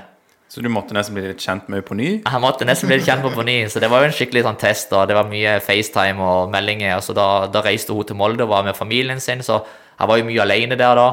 Og, men igjen, jeg var jo veldig privilegert at jeg kunne komme på trening. Hadde, det var et, det var et veldig, veldig fin klubb, veldig god klubb. Fin by, fantastisk by. Izmir, kystby, varmt. Eh, Så jeg måtte jo gjøre det beste ut av situasjonen og fikk spille veldig mye, som jeg var veldig glad for. eh, Fikk skåret noen eh, kule mål, virkelig, og fikk spille på noen store arenaer. og Vært med og spilt mot eh, mange av de største klubbene, eh, Galatasaray, Fenerbahçe, Besiktas, som jevnlig spiller enten Champions League, Europa League, Conference League. Så det var sportslig sett var det veldig spennende og gøy for meg. Er det noen spesielle eh, historier, altså du nevner jo litt sånn generelt, men noe spesielt du vil trekke fram som var sånn kult eh, fra den tiden? Ingen, ingen grensevakter mellom byene? Oh, ja, nei, det var jo ikke det. Det var jo ikke det. Nei, det var altså eh, Altså, den første kampen, eller de, jeg vet ikke hvor mange kamper jeg spilte før eh, fotball, altså tribunelivet stengte, men jeg fikk oppleve i hvert fall én kamp hjemme på en ny stadion, for de bygde akkurat ny stadion da jeg kom. Ja. Så den ble jo klar Jeg kom der i midten av januar 2020, og den stadion ble klar i slutten. Og da bare merker du det trøkket, da. Den bygde de for deg, sant? Hvor mange tar den eh, Ja, den er sånn 25 30 000 ish. Ja. Veldig kompakt og ikke så stor. Ta de Istanbul-klubbene, Galatasaray, Fenerbahçe, de har jo stadion til 40 50 60 000. Og eh, nei, også var kanskje et veldig sånn kult øyeblikk for meg at jeg klarte Jeg skårte mot Besiktas borte, og det var sånn Selv om jeg til slutt endte å tape, da, men det var, de vant jo ligaen det året. De var desidert beste laget, men det var gøy å kunne vise at jeg Kan gjøre det på det nivået, ja. Ja, har noe på å gjøre, og spilte mm. godt der, og spilte egentlig veldig mange kamper, så det var veldig gøy sportslig. Men der hadde du tolk på trening. Og Der kamp, hadde du kamp tolk, òg, og eller? det Hæ? I kamp òg? Ja, du har en tolk rett på siden av treneren som står og oversetter alt. Så hvis han skriker til meg noe på tyrkisk, så er du tolken som snakker engelsk. Og det som er litt sånn morsomt, at du er to tolker. For du er en som snakker engelsk til oss som snakker engelsk, og så er du en som snakker spansk til alle latinamerikanske brasilianere og spanjolene, for vi hadde noen av de. Så det er skikkelig høylytt inne i et møterom eller i garderoben og Men det er kanskje noe som Viking òg har måttet endre seg litt på, å bytte til mer eh, engelsk under din, dine år i klubben? Jo, men det er jo det som er forskjellen, er jo at da kan jo treneren og alle i klubben kan jo engelsk. Så da blir jo alt på engelsk. Egentlig Ja. enkelt, for her er vi veldig mye privilegerte. Vi lærer jo engelsk veldig tidlig på skolen. Vi ser jo veldig mye amerikanske eller engelske filmer med tekst, serie, sant? så vi lærer jo veldig fort engelsk her. Så engelsk kommer jo veldig naturlig for oss. Mens der nede kan de det ingenting, for de lærte aldri det på skolen. Nei. De kan bare tyrkisk, og det er sitt språk. Så da er det alle klubber har tolk. Så når du skal på intervju med, med ja, den og den TV-kanalen, så sitter du der, eller står du der, og så må, må du snakke til tolken, og han oversetter til deg. Og det er veldig Man blir fort vant med det, men det er veldig rart i starten. Ja, det kan Ja, jeg det tenke tror meg. jeg på. Det høres, eh, høres ut som det Ja, det kunne vært kjekkere om de kunne engelsk, eh, men ja. Men du lærte Jeg følger jo på Instagram, og du la jo ut ting på tyrkisk. Eh, men du har ikke lært deg tyrkisk, regner jeg med, for det Nei, jeg har ikke lært meg flytende tyrkisk. Jeg lærer sånne små ord, og jeg kunne gå på butikken og handle og spørre om forskjellige ting. På en restaurant, hvordan jeg skal bestille mat. Men eh, det, jeg skal ikke ta på meg denne Instagrammen. Det, det er Google Translate og litt hjelp fra kamerater, det er det. Er du bedre i tyrkisk enn Joe Bell er i norsk? Det er et godt spørsmål, for jeg tror ikke han er så god i norsk. Nei, jeg føler han kan noen ord, men eh, Ja, jeg tror kanskje nei, vi er kanskje. Ja, vi er nok på den der Jeg tror kanskje jeg kan være litt bedre tyrkisk, altså. Ja. For jeg tror han, jeg synes han er Og det er jo litt vår feil òg, at han er dårlig norsk. For vi snakker jo bare engelsk med han hele veien. I Tyskland, for eksempel Jeg snakker jo ganske godt tysk, og Veton etter hvert han snakker jo kjempegodt tysk. Når vi spilte sammen i Goita Fyrt. For alt går på tysk hele veien. Første lagmøte, alle, alt, alt i garderoben går på tysk. Så man forstår jo ingenting de første ukene. Nei. Og til slutt så må du bare lære deg det. Så det er nesten du blir tvunget, og det, det burde det vært litt sånn her òg, for da tror jeg veldig mange av de som kommer utenfra, hadde lært seg norsk. Ja. Joe er vel for øvrig eh, ganske god i trøndersk. I hvert fall kan noen ord, da, så han er bedre i trøndersk enn norsk. Jeg får anbefale òg Det er jo alltid Særlig i fjor, når du var liksom Det ryktes at du var på vei, og så prøvde jeg å søke litt på Twitter, og så fant jeg en del sånne tyrkiske kont kontoer. Og det er veldig gøy å se de norske oversettelsene av tyrkisk, for det virker som de har en helt egen måte å snakke på og bruke Det, sånn det går ikke an. Veldig fargerikt språk. Og, Ja, det går ikke an å sammenligne. Så hvis du, søker, hvis du trykker på sånn C-oversettelse, så blir det helt feil, nesten. Det er veldig, de har annen, en annen måte å formulere ord på, ja. Så det, hvis du vil ha litt underholdning en kveld, så kan du, etter du er ferdig med podden, selvfølgelig, så kan du sjekke litt tyrkiske tweets og auto-oversette de. Men eh, ja, dette eventyret ditt i Tyrkia, som ikke ble helt som du hadde sett for deg, kom til en ende i mai 2021 etter litt um, ja, det var jo mye spekulasjoner utpå våren. Du fikk jo spørsmål fra pressen, og du svarte jo veldig fint. Sånn Vi må vente og se. Og så var det en Det er jo forholdet i Tyrkia med kontrakten din, som gikk ut egentlig i juli, eller? Ja, Ja. med opsjon. Jeg hadde et opsjon. ja. Så det var litt komplisert. Det var ikke bare å si at uh, selvfølgelig kom jeg hjem. Men du kom hjem til slutt, og Alexandra Hauge på Instagram, eh, Alexandra Hauge 07, spør hva var det som gjorde at du valgte å komme tilbake til de mørkeblå? Du har jo svart litt på det allerede, kanskje, da, men ja. Ja, men jeg kan bare ta det litt sånn kort òg, at eh, eh, Når jeg først valgte å ta det valget å komme hjem, så eh, var det jo ingen hemmelighet om at jeg ville selvfølgelig til Viking og få høre meg om interessen var der, og se om det var en mulighet.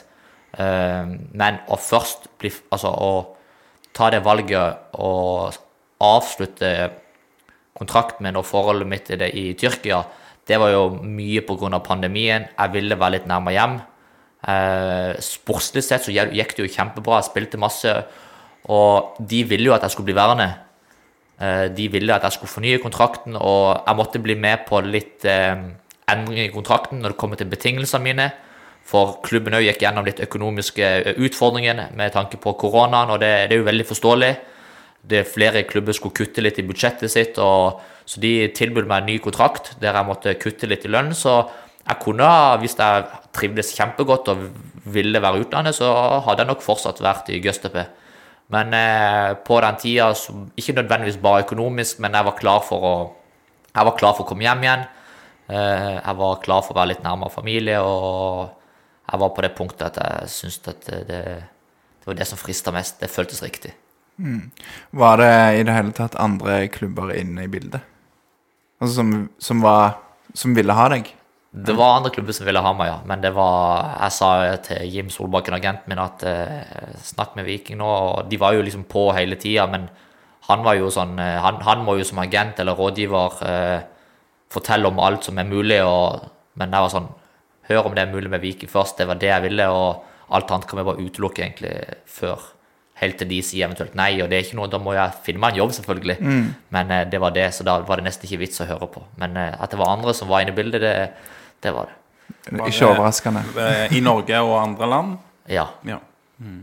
Noen du vil For det, uansett hvem det var, så er ikke det viktig. For når jeg, Viking viste interesse veldig kjapt, og at det var, kunne vært mulig, så var jo spørsmålet hele veien, som kanskje var det, det der eh, det, det vanskelige, den dilemmaet. Skal det skje før sesongen, eller skal det skje når kontrakten min går ut? For du nevnte det jo at kontrakten min i utgangspunktet gikk ut uh, 31. juli 2020. Og Viking ville at jeg skulle komme Det før sesongen. 2021. Ja. 2021, beklager. Og de ville at jeg skulle komme eh, For de fikk jo eh, et ekstra overgangsvindu i Rett mai, før det. rett før sesongen starta. Så i utgangspunktet for min del hele veien var at jeg skulle komme når sesongen var ferdig. For jeg, jeg visste jo ikke om det der eh, ekstra overgangsvinduet som var ca. to uker i mai der, at det var mulig å hente spillere. Så når det kom opp at det var en mulighet, så måtte jeg måtte vi jo forhandle litt og måtte jeg jo jobbe litt med min tyrkiske klubb, så de kunne la meg dra. da, For de ville jo at eh, Det var jo fortsatt noen kamper igjen denne sesongen, så de ville jo ikke at jeg skulle dra, egentlig. Men så løste seg det til slutt. Det er vi veldig glad for. Jeg skjønner at du ikke vil si hvilke klubber det var snakk om, men det er utrolig kult at du valgte Viking foran Manchester United og diverse andre. nettopp. Um, Bjarte Østepå uh, Nå merker jeg at nå skal jeg drikke litt vann etterpå. Bjarte Østebø han spør, eh, eller sier Du var med i 2019 på Bjarne sitt lag, som tok byen med storm. Og eh, flere av de som var med da, har gått videre til andre og større klubber, gjerne. Og det er få igjen fra det laget, faktisk. Eh, men av de som har spilt flesteparten av kampene, så er det bare deg og Løkberg og Vevatnet som er igjen nå. Eh, og på mange måter så er det et helt nytt lag. Hvis du skal sammenligne de to årgangene av Viking som du kom tilbake til, og som du dro fra, hva er forskjell, eh, forskjeller og likheter der, og hvorfor er dere enda bedre nå? For er et bedre lag nå. Det er ingen hemmelighet, og det er ikke noe for 2019, men da var vi en veldig ung gruppe. Vi hadde mange spennende talenter. Eh, Kristian hadde jo ikke eh, spilt noe som helst. Kristian Torstvedt hadde jo ikke spilt noe som helst i Eliteserien. Og i løpet av det året så blomstra han jo og ble ja, en av de beste spillerne i ligaen. Så eh, det var flere spillere som eh, man egentlig ikke hadde hørt om, mens nå er det mye mer mange flere etablerte spillere. Viking henter òg mer etablerte spillere nå. Ta Niklas Sandberg som et eksempel. Eh, Veton Berisha for eksempel. Eh, når jeg kom hjem igjen, det, det er en mye, mye større konkurranse, og likhetene er at vi har veldig, veldig godt kollektiv. Det var en av våre store egenskaper i 2019 og ikke minst 2018. Vi, de hadde noen enkeltspillere i noen posisjoner som utmerker seg, det må du naturligvis ha. Men vi var så gode sammen, og vi var alltid en veldig god gruppe, godt kollektiv. Og det hadde vi ikke minst nå i, i, i 2021 òg. For hvis ikke vi hadde hatt et godt kollektiv, så kan du ikke snu eh, Nå skal jeg nesten si 30 kamper, for vi har snudd jo nesten hver kamp. sånn Vi lå jo nesten alltid under, så det er jo en utrolig sterk prestasjon. Samtidig det, det er dårlig at vi slipper inn mål, men så skal det ikke ta vekk noe fra at vi klarer å Vi gir aldri opp. Vi finner alltid en måte å, å skåre mål på og vinne på. Og det, det er en sånn mental styrke som er likt egentlig på begge de, de to litt forskjellige lagene. da. Og det er jo veldig interessant det der, for det er jo som, som supporter òg, så er det sånn Det er jo sykt eh, Det er alltid, best, alltid kjekt å vinne. Det er veldig greit å vinne sånn 2 2-0 og kanskje 3-0. Eh, men det er jo lite som slår, sånn som den der overtidsskåringen mot Molde med David Brekalo. Det er altså den der euforien på stadion når, det, når en klarer å liksom snu det sånn, det er noe helt spesielt. Så um, ja. Jeg har det jo ofte litt vondt i sånne kamper, Lars. Så for meg så kan vi godt cruise inn til sånn eh, et tidlig mål, og så putter vi et par til, og så ble det 3-0 den kampen òg. Det er jo det som er drømmescenarioet. sant? Men så er det jo litt det som eh, Selvfølgelig, jeg håper og tror ikke det blir sånn neste år. Men eh, ligaen er sterk. Det er mange gode lag. Jeg tror um, nå i 2022 at det er enda flere lag som har lyst til å kjempe om den medaljen eller toppen. Det er Mange lag forsterker seg enda mer og mer, så kampene er mye jevnere nå. Så kanskje, eh, og det er helt ærlig, at det er Bodø det eneste som du kan si både de to siste årene nå har vært litt sånn dominerer nesten fra første til siste kamp. Men utenom det så har Molde jo slitt veldig med å få skikkelig den flyten de er vant med å få. Rosenborg har ikke hatt det. Vi har virkelig òg måttet jobbe for de seirene vi har fått. Sant? Det er veldig sjelden det er kommet veldig lett at du vinner 6-0. Sant? Det får du ikke, for lagene er bedre. Så det er jo noe Ja, det, er det hadde jo vært eh, det, er jo, altså, det er et godt tegn for ligaen at det ikke er så mange 5-6-0-kamper, holdt på å si. Nei, veldig gøy. Um, men denne sesongen, og egentlig altså når du var i Viking i 2018-19, så var det da var venstrekanten din, og det var der du spilte, ikke sant?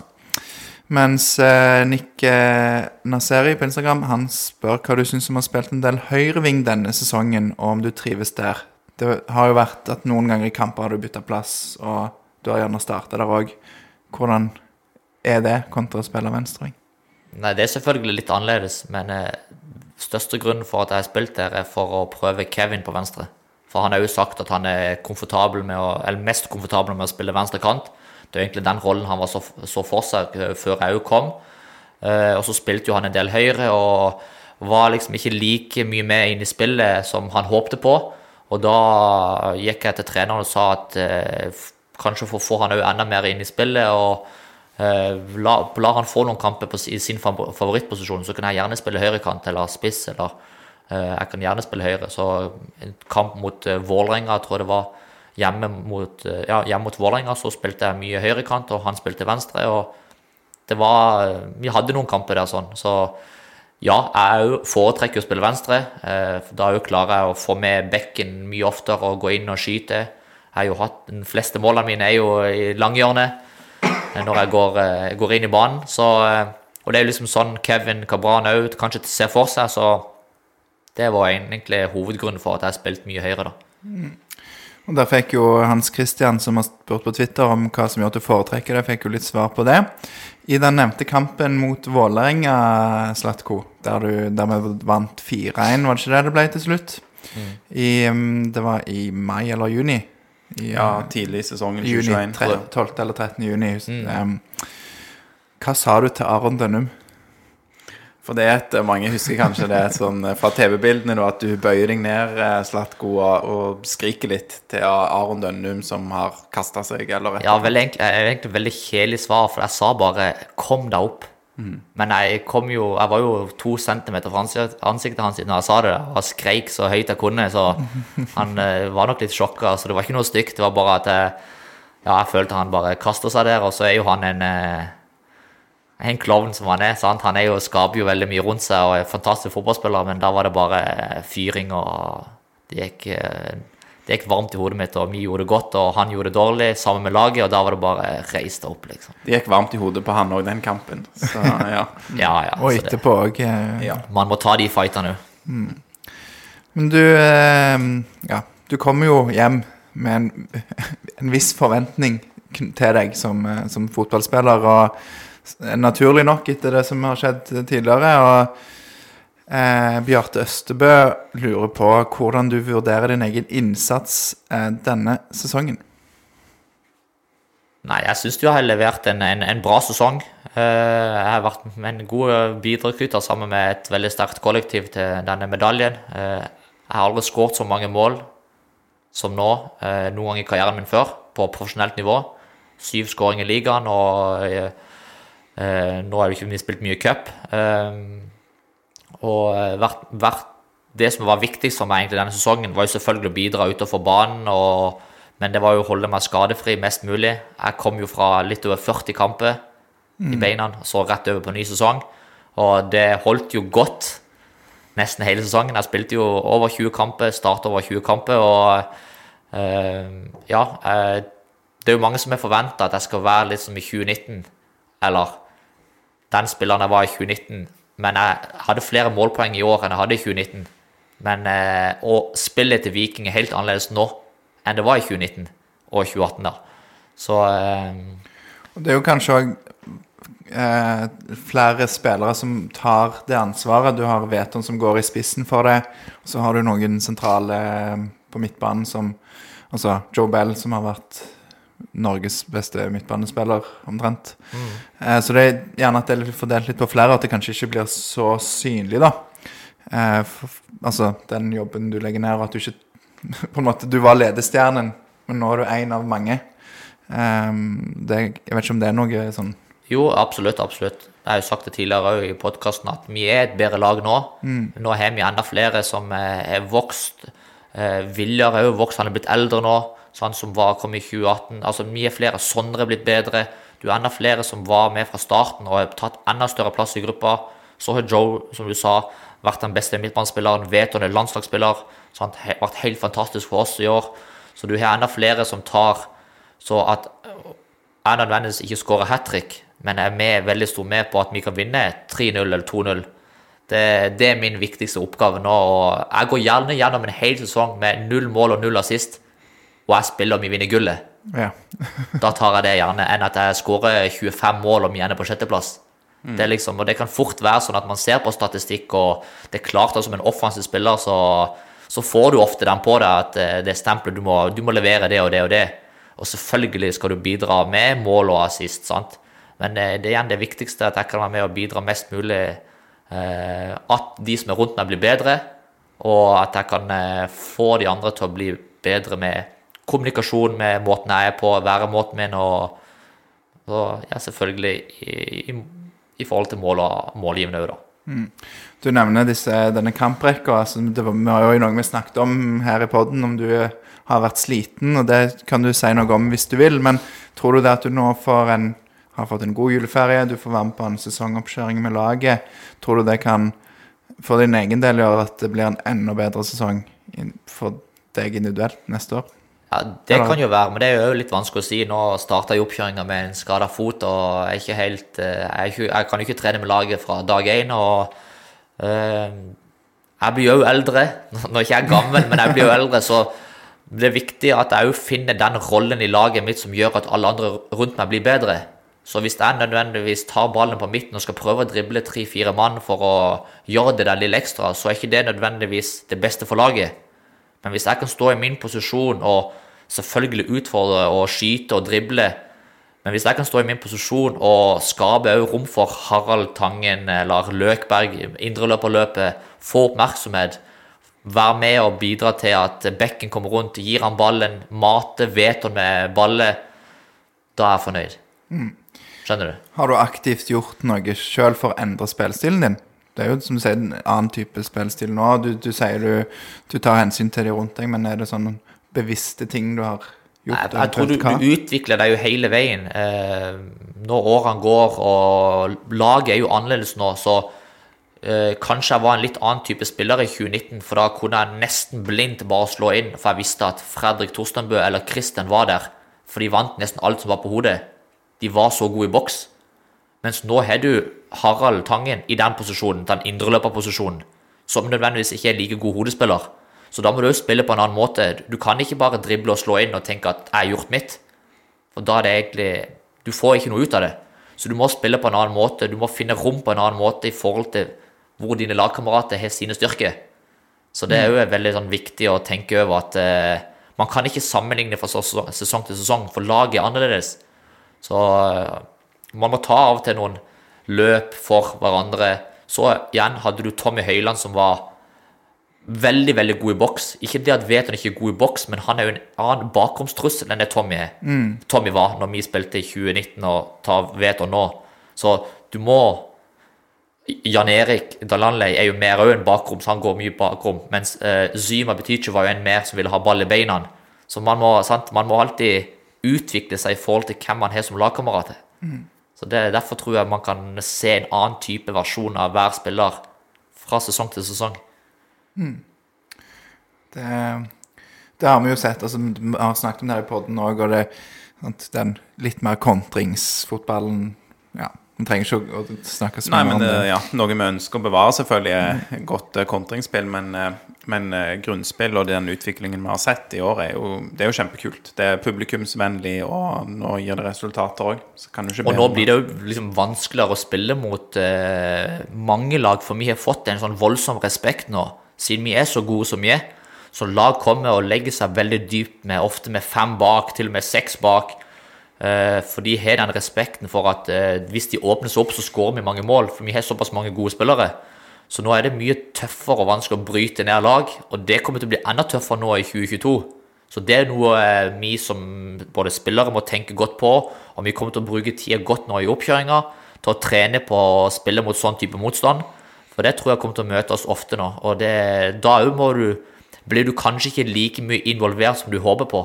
For du må stå i din posisjon, åpne opp for de andre, ta noen løp. Mens i sånn, den kontringsfotballen, da er det litt mer sånn fritt vilt av og til. Da er det bare å bruke det rommet som er, bruke fart. Nå må du stole enda mer på lagkameratet, være i posisjon, spille hverandre god og finne de små rommene som er. For det er ikke mye rom når eh, de legger seg så lavt. Det så vi jo et sånn ekstremt eksempel på i, i Mjøndalen i, i november i, i 2021. for eksempel? Og da gjelder det jo å være effektiv og skåre et mål tidlig, men så er det ikke alltid like lett. For det, det, det, man har jo sett det på vårt nivå, men man ser det òg på Premier League-nivå at eh, Manchester City kan ha 90 eh, ballbesittelse, og så taper de 2-0 mot Skjønner du? Fordi at de får to kontringer mot seg. Det, det er såpass brutalt i denne fotballen. Og det er jo der vi må håpe at Viking òg tar, eh, tar steg, sånn at hvis man spiller de eh, kampene mot Mjøndalen, da, så skårer man kanskje i gjennomsnitt eh, ett mål på de første 60 minuttene, sånn at kampen åpner seg. Mens hvis man i gjennomsnitt skårer 0,4, så får man jo kanskje det at man står og så stanger, ikke sant. Og, men vi har klart å bikke mange sånne kamper òg, og det gjorde vi jo òg mot Mjøndalen, så det er bra. Så det blir jo liksom Det blir det nye steget nå for, for Viking i både det neste året og årene som kommer, at eh, vi er blitt såpass gode nå. Og det er full forståelse at lag gjør det, for vi òg har jo gjort det. Når vi har spilt mot Bodø-Glimt, tar Bodø-Glimt borte, så har vi òg gått med en litt annen type formasjon, fem bak, prøvd å stenge igjen, og tatt med oss poeng. Sant? Man har gjort det mot Molde før. Nå kommer vi med en litt annen type inngang, for nå hadde vi jo et mye bedre lag. Så, og man vet jo veldig godt at hvis du åpner det opp, Ta Molde borte de to siste årene utenom 2021, da. Så taper du 5-0, 4-0. Altså, du blir sant? Du blir tatt helt på senga og spiller et dårlig kamp, for lagene er så gode. Så eh, det er fullt forståelig at veldig mange lag vil gjøre sånn mot oss òg. Og det, det mener jeg bare er en sånn tillitserklæring, at vi har fått en, eh, en respekt og har fått vite at vi er et godt fotballag. Absolutt, og da, eh, da er det jo Så står en og stanger, men har mye ball, så er det utvikling i det òg, og den har vi sett allerede i, i 2021.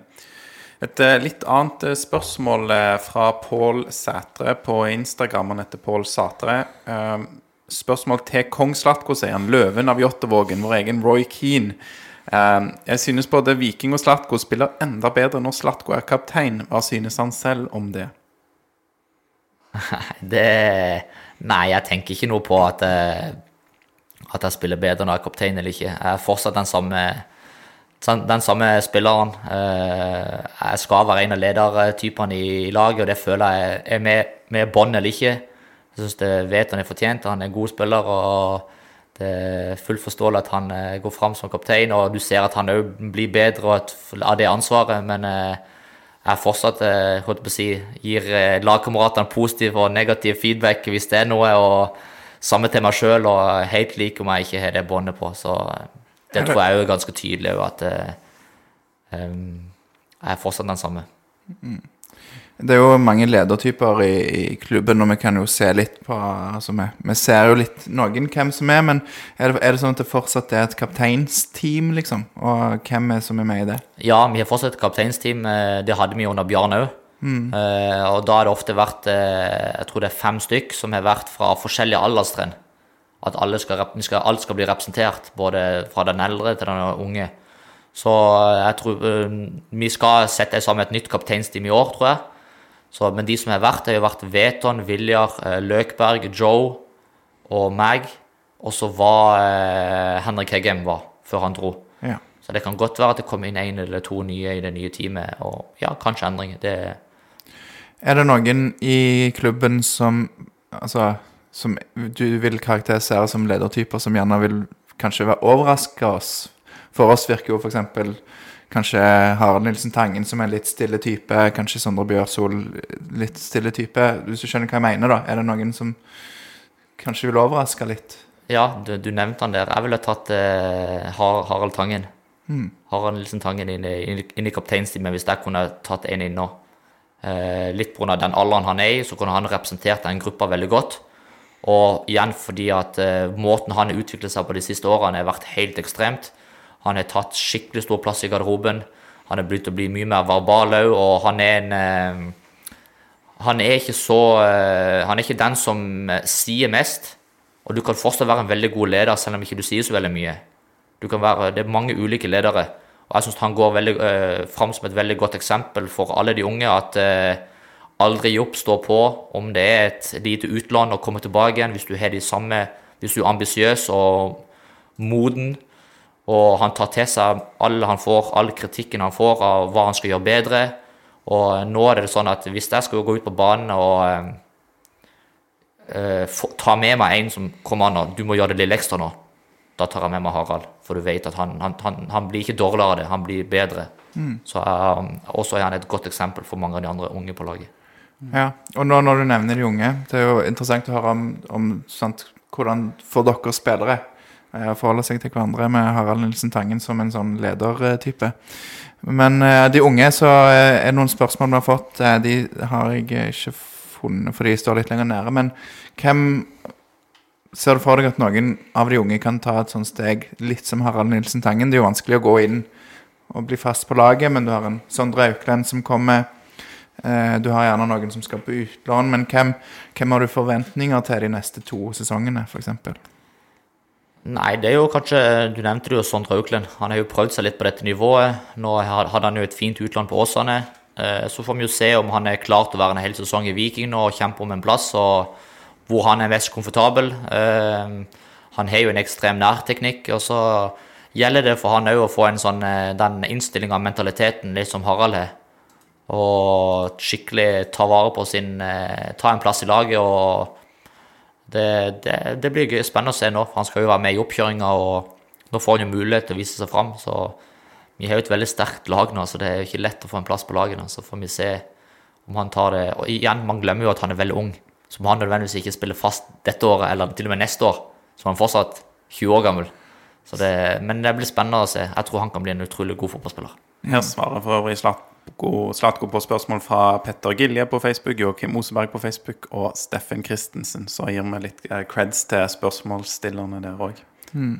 Ja, det blir eh, Sondre Auklend er jo kanskje den mest spennende som er lengst framme. Og så altså, Det skal jo noe til at du får en Henrik Heikheim-historie igjen. Men eh, men det kan jo òg plutselig, plutselig skje. Så det, Det kan skje. Vi har mange gode eh, vikingrekrutter. Han gjør det utrolig godt. Eh, Vi har et utrolig bra akademi, og det kommer gode unggutter med som er med og hever treningene. og De, de er alt fra 16, 17, 18, 19 år. og det, Nei, det blir utrolig spennende å se om de kan ta steg. og, og Det er derfor jeg nevnte Harald. for selv om du, han nødvendigvis ikke var like synlig og dominerende for to år siden, så ser du i løpet av to år hvor stor endring. Nå er han en nøkkelspiller. Han er virkelig blitt en nøkkelspiller for laget, og jeg tror han kommer til å bli enda bedre i år, så lenge han holder seg skadefri. Så jeg har store forventninger til han i år, og eh, jeg tror hvis han spiller en full sesong, så kan han skåre over tosifra i Eliteserien. Spennende. Det er jo et En, en annen jeg håper vi ikke mister i Det er jo uvisst overgangsvindu fortsatt. Men det er jo sånn, det er sånn en del fotballmekanismene er. Sant? Eh, Når vi har så gode spillere, og ikke minst unge, da blir det attraktivt for mange andre klubber, og du har sett utviklinga til mange av de andre som har gått ut. Kristian eh, Torstvedt er jo et prakteksempel, og jeg tror jeg er et forbilde på veldig mange av de andre unge som kan ta steget ut. og Nå spiller han jo fast på landslaget, og det er klart at drømmen for alle norske fotballspillere er å spille på landslaget, og da er det jo naturlig at du tar steget ut. så jeg tenker igjen at eh, hvis vi selger noen, så kommer det Du vet at det alltid kommer noen nye. Det er ikke alltid de er like gode, eller det tar like kort tid før at de blir gode, men eh, man har veldig mye kompetanse i denne klubben her, så at, eh, jeg er liksom ikke bekymra hvis en og en går ut, for det, sånn er det i alle klubber. Det er veldig naturlig. Og det gjelder bare igjen å tette igjen de hullene og spille den fotballen med de spillerne du har tilgjengelig. Og det er jo eh, veldig bra hvis, de, eh, hvis det er noen som blir solgt, og at noen som kommer inn og tar det steg, at de klarer å ta det steget til når vi kommer til juli. For når vi kommer til juli, så skal vi ut og spille i Europa. Eh, og der lurer Håvard Håvarden eh, på Instagram Han lurer på hva skal til for at Viking skal kunne hevde seg i Europa.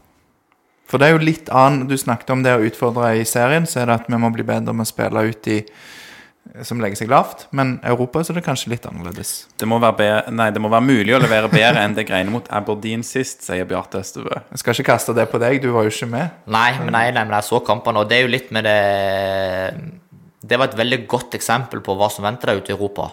At du blir så utrolig hardt straffa når du gjør en liten feil. Og det kan være Det kan være over eller ut. For eh, den internasjonale erfaringa og Det kommer jo selvfølgelig litt an på hvem du møter, men folk er utrolig kyniske med sånn internasjonal motstand. Altså da, da handler det ikke nødvendigvis om å spille den beste fotballen, men det handler om å vinne. Og så er det utrolig stor forskjell på hvordan du spiller på hjemme- og bortebane. Hvilken tilnærming du har. Det, det handler jo nesten om, i hvert fall i de kvalikkampene når du skal ut i kvalifisering og spille hjemme og borte. Da handler det om å få med seg et OK resultat, kanskje et bortemål, og så spille den der, prøve å spille den dominerende hjemmefotballen og få med et godt resultat hjemme. For eh, Og det kan være drøying av tid, det kan være en eh, spille kynisk fotball og en dødballskåring. Sånn du må Det kan være nok for alt. Til slutt så handler det om å bare komme seg inn til Europa, og så kan du spille god fotball inn i gruppespillet.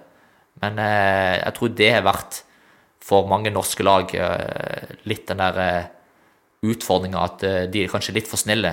Og det håper og tror jeg ikke vi kommer til å være. For eh, nå har vi noen spillere som har litt erfaring fra utenlandsk fotball, og det, vi er skikkelig sugne på et europaeventyr. Og så selvfølgelig handler det litt om eh, hvilken motstandere. Møter du Liverpool i en så skjønner du at det kan bli tøft, men igjen, klart at det er mulig. Ja. Det, det kan eh, åh, Det hadde vært gøy hvis vi hadde kommet oss til gruppespill. Ingenting, og- ingenting hadde vært gøyere enn det. Det er jo det vi vil. Men eh, har du noen lag du håper rykker ned fra Eliteserien 2022?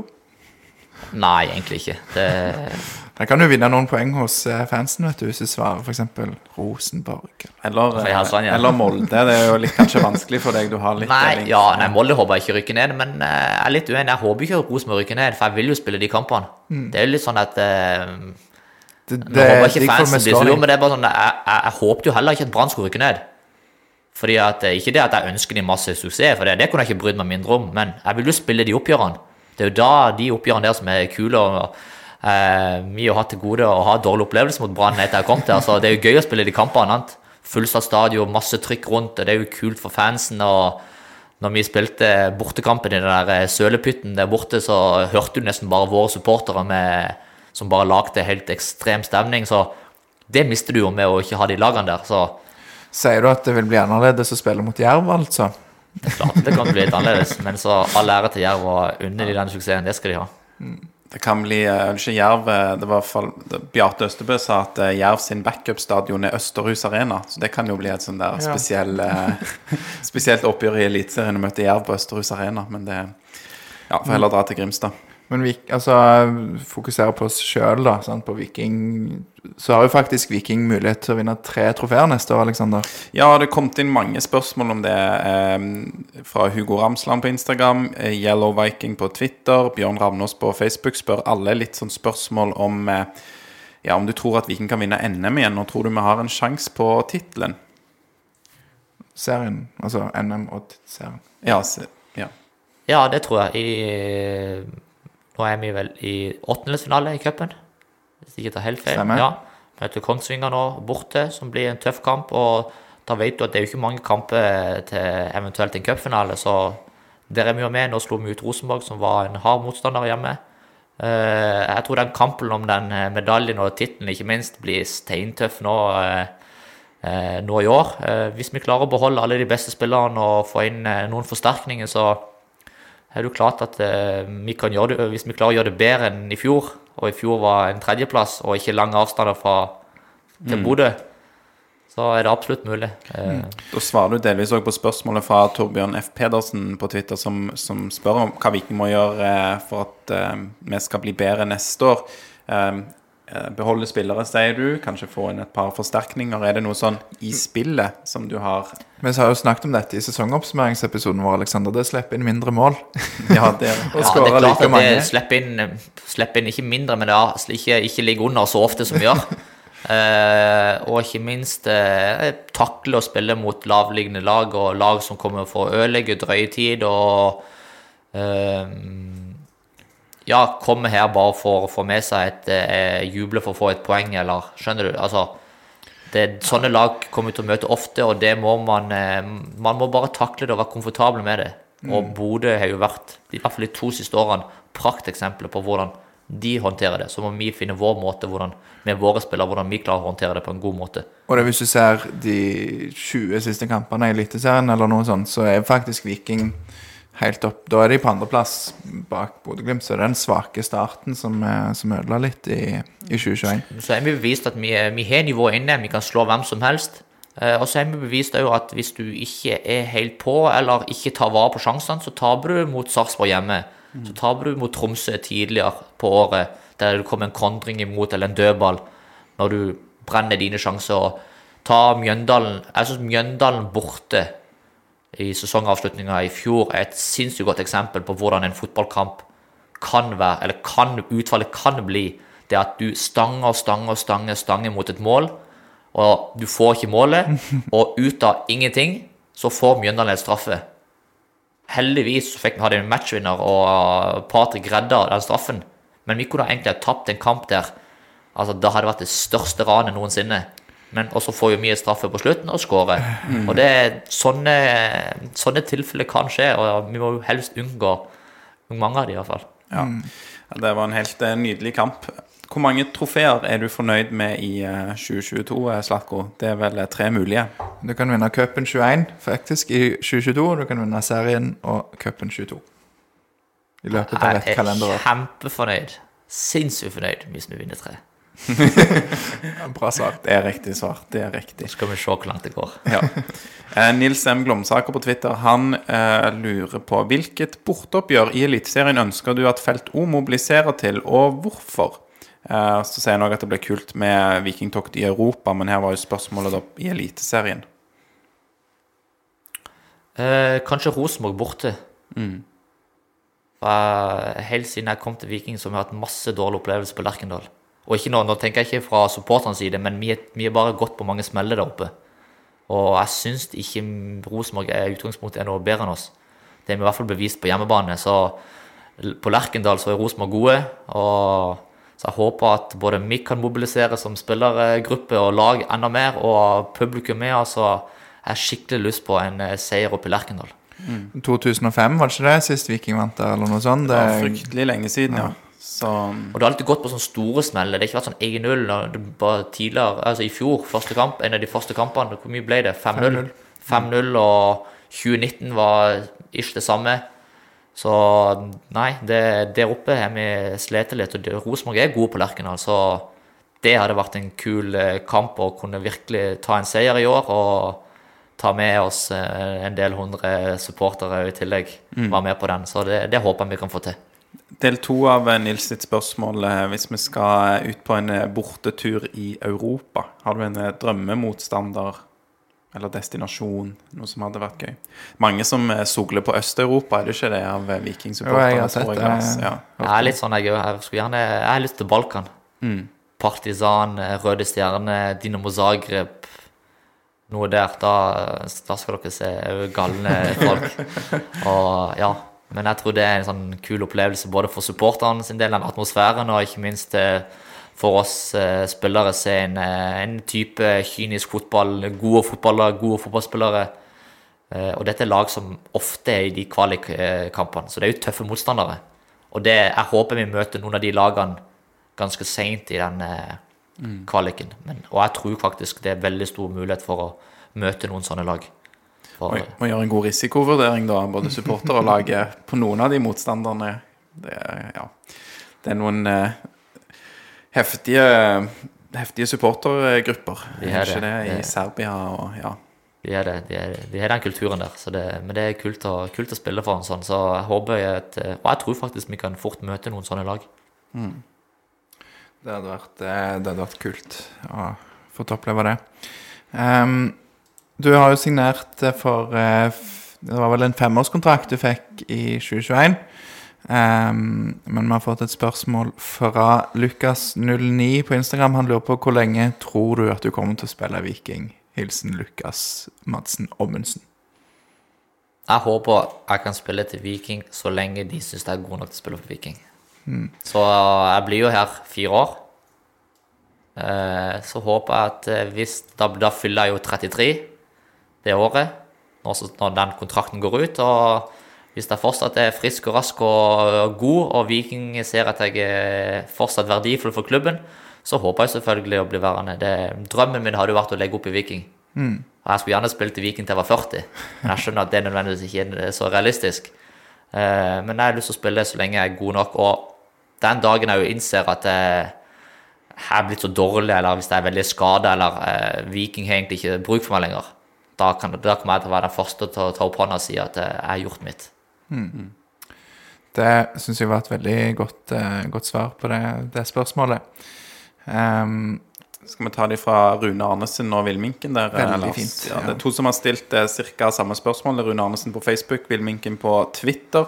Eh, hvem kunne du tenkt deg at Viking prøvde å hente og forsterke laget med før 2022? Og Villminken vil gjerne at det skal være et realistisk valg. Ja. Ja, det var et veldig godt spørsmål. Eh, Den er litt vanskelig å ta en sånn på sparket, egentlig.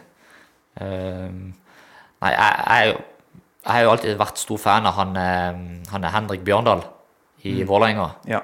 Jeg synes han er en sånn Nå vet jeg ikke hvor realistisk det er, da. Han spiller jo for en stor konkurrent av oss. Men jeg syns han er en god spiller, går litt sånn under radaren og er veldig box to box, indreløper. Jeg syns han er en veldig god spiller, så det er en sånn spiller som eh, Han gjør jobben. Så Ja. jeg liker han. har blitt flytta ned på bekken eh, i Vålerenga, har jeg skjønt, og flyr kanskje enda mer under radaren da. Ja, men han har gått spiller på bekken pga. Det er jo en sånn person du stoler på. Mm. Han er nødvendigvis aldri den som er sinnssykt sinnssykt god hele veien, men han er aldri dårlig. Mm. Det er en litt sånn, sånn stabilt, all around god spiller, og det, han spilte jo back fordi at eh, de sin høyre, bekk enten var dårlig eller var en del skada. Mm. Og da vet du at du får, eh, du får en mann som gjør jobben. Så det er alltid godt å ha sånne spillere i en spillergruppe. Litt i eh, samme gata så lurer Pål Jæger Jacobsen på om du har en tidligere lagkamerat som vi kunne hatt spesielt bruk for i Conference League. Ja, Christian Thorstvedt. det er kanskje litt sånn eh, Ja. Det, jeg kunne jo nevnt noen spillere i Tyrkia eller Tyskland, men det er litt sånn der ukjent for veldig mange. Eh, for jeg har, spilt, jeg har vært veldig, jeg er veldig heldig og spilt med veldig mange gode spillere. Men eh, han, er- han er en sånn en X-faktor og en eh, sånn boksspiller som eh, hadde vært fin å ha hvis du plutselig skulle hatt noen mål, og plutselig så skårer han fra, ingenting. Så det hadde vært kult å få han der. Ja, Han, det han, han kunne bitt fra seg, det tror Jeg jeg. tror han Ja. kunne vært nyttig å ha hatt. Um, bare hvis du kan si kjapt, er det, hvem er den beste spilleren du har spilt med? Gjennom hele din karriere fra Tonstad og opp. Nei, det er egentlig et, eh, det er et godt spørsmål. Eh, Før jeg gikk til Tyrkia, så syns jeg Og da jeg, jeg hatt et spørsmål her for noen år tilbake, og da sa jeg prime Vegard Forren. Ja. Altså Vegard Forren, når han var på sitt beste, aller beste, når Molde var jevnlig ute i Europaligaen, da syntes jeg han var helt ekstrem. Helt fantastisk. Han var, Du skårer ikke mål, og han var så god i den frispillingsfasen. Og um, Det er egentlig veldig rart at jeg er en offensiv spiller og nevner en forsvarsspiller, som, men jeg syns han var helt ekstrem å spille med. Han hadde Ja, og, men etter jeg gikk til Tyrkia, så første halve sesongen min når jeg kom der, så spilte jeg med Beto, en keeper Ja. ti- tidligere landslagskeeper til Portugal. Han var vår kaptein. ja. Og han eh, spilte jo, vant jo Nations League og, med Portugal, og jeg har spilt der i mange år, og jeg har stor karriere i Sevilla, vant Europa League med Sevilla. Og det er en helt ekstrem profesjonell keeper, og så god han var med beina. Jeg tror han har nesten bedre teknikk enn det utespilleren hadde. Det er det han var mest kjent for, utsparkene og teknikken hans. sin. Og han var vel 36-37 når han ble ferdig i Gøstepe, da. Så det er en av de sånne jeg kommer til å huske og har spilt sammen med han. Han var fantastisk. Det er kult. Kan du ta I forlengelsen eh, så spør Steffen Christensen eh, hvem som er den beste du har spilt med i Viking. Jeg vet ikke om Er det noe du kan svare på der? Det har jo nevnt, og det er, det er nok Christian, det vil jeg si. Ja. Det vet han òg nok der oppe, han òg, men eh, Christian er han utvikla en ekstrem X-faktor, og han er fortsatt kanskje den dag i dag den beste avslutteren jeg har spilt med i karrieren. Og han skårte jo ikke 30 mål en sesong. Da har du hatt Tommy som har skåret mye i Obos-ligaen i 2018, og vet han skårte mye, men han var Når han får en ball inn i boksen, så kan det kan være høyre, venstre fot, eh, hode, og så er han så sinnssykt god i denne pos posisjoneringa. Så meg han hadde en veldig god eh, connection, der jeg hadde mange målgivende til han, og vi klarte å finne hverandre, og han stolte på meg, og han tok de dype løpene, og han eh, Jeg likte å spille med han. og jeg tror nok jeg blir litt for gammel hvis han en dag skal returnere til Viking, men eh, det var gøy å kunne Og igjen, se hvor han er kommet nå. Det, det er så fortjent. Det, du skal aldri si aldri, eh, Slatko. Hvis, eh, hvis kroppen vil og godt opp i 30-årene, så spiller du fortsatt fotball. Så kan vi jo håpe. Ja, men jeg tror ikke Christian kommer tilbake før om godt over ti år. Så det, det, skal det mye, mye det skal nok mye til for at jeg spiller som 39-åring i Viking. Da skal jeg være sinnssykt god, altså. Men det skal aldri si aldri. Aldri si aldri. Det, det er bra. Vi skal snakke med, Det nærmer seg slutten. Nå tror jeg akkurat vi er i ferd med å slå to timer, så vi bruker noen minutter eh, til, og så, eh, så går vi inn for landing. Men eh, Øyvind Jacobsen på Twitter han spør nå som Tommy Høiland har reist til Sandnes, da er drakt nummer ti ledig i klubben. Hvem tror du får den, og kan det være aktuelt for deg å bytte ut 77 med nummer 10? Ja, det kan være aktuelt. Oi, oi, oi. Er det Er det noe som eh, er i emning her, eh, Slatko? Kanskje. Kanskje. Oi sann, oi sann, oi sann. Den er i hvert fall ledig, så vi får se.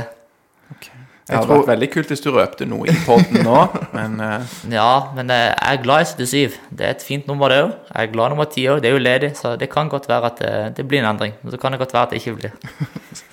Forventa i spenning der. Jeg tror i hvert fall Øyvind. Jacobsen vil være fornøyd hvis du bytter til nummer 10. Ja, han er, jeg tror han er, han er ikke så fan av sånne høye tall. Det er sikkert derfor han spør det her òg.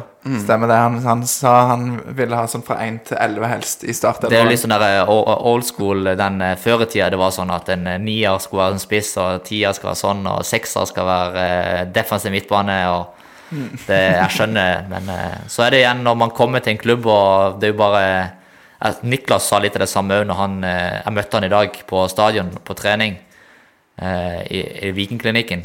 Så sa, spurte vi ja, hvilke nummer skulle du ta. Nei, det er ikke så mange nummer som er ledige. Sant? Alt er jo tatt. Jeg skulle gjerne hatt 11 når jeg kom tilbake igjen, for det var jo mitt nummer i Viken sist. Så er det jo folk som tar forskjellige numre, så Men det blir nok noe bra uansett.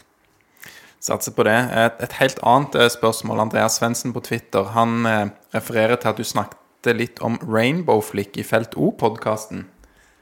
Har du lært deg å ta Rainbow Flick? Eh, ja, jeg kan jo ta det, men jeg, det, du kommer nok ikke til å se meg bruke den ofte i, i kamp. Jeg er jo blitt litt sånn, eh, kanskje noe med alderen òg, at jeg har lyst til å gjøre ting eh, Du må gjøre ting seriøst og enkelt. Så hvis jeg hadde sett noen på laget prøve den rainbow flick og bomma totalt, så hadde de nok fått hørt det fra meg. Det er bra. Ta litt ansvar. For Ja, det skal være litt sånn eh, ikke miste ball unødvendig og beskytte ballen og selvfølgelig prøve å drible og utfordre, men eh, for meg blir det litt sånn eh, Det er veldig få i verden som kan bruke den i i kamp. den det er Neymar er en av veldig veldig få i verden, så det, da blir det litt for useriøst til, min smak. Det syns jeg òg var et veldig fint svar. Ja, det, du er god, det- Slatko. Ja, vi liker å høre det, faktisk. um, det, da kan vi heller gå på YouTube hvis vi vil se noen fine Rainbow Flicks. Uh... Plutselig så tar jeg den rainbow flick første kampen her nå. Oh, Kanskje hvis vi Ja, nei, jeg vil egentlig ikke se det hvis vi leder stort heller. Jeg, ikke, jeg tror ikke jeg vil se det. Nei, nei, men det kommer dere ikke til å se. Da, da blir det i hvert fall tatt ifra mange lagkamerater. Vi, vi skal gjøre ting seriøst. Ja. Det er bra. Eh, Bjørn Ravnås på Facebook han lurer på om du noen gang har vært aktuell for et A-landslag, og om det eventuelt er en drøm. Ja, jeg har jo- vært eh, aktuell, og senest nå i, når jeg var i Gøstepe, når de tok det der nødlandslaget. Da ringte de meg opp, og jeg skulle egentlig reise, men jeg fikk ikke lov pga. vi hadde to eh, positive koronatilfeller i klubben. Så da fikk jeg ikke lov til å reise inn til Norge for, når vi skulle samles der og fly til Østerrike.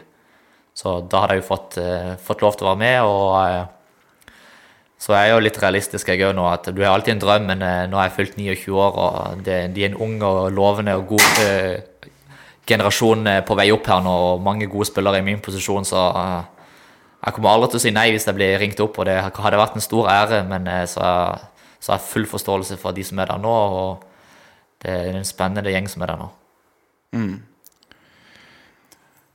Det er gode, gode betraktninger. Eh, Det hadde vært veldig kult å, å se. Og så er det litt sånn, som du er inne på, er jo litt marginer òg, ikke sant. Det var nære på, på nødlandslaget. Men eh, Selvfølgelig. spesiell opplevelse for de som var med, og en, en kamp som mange av supporterne kommer til å huske òg, tror jeg. Veldig. Og det, de, de var veldig gode ambassadører for både Eliteserien, for det er jo veldig mange eliteseriespillere da.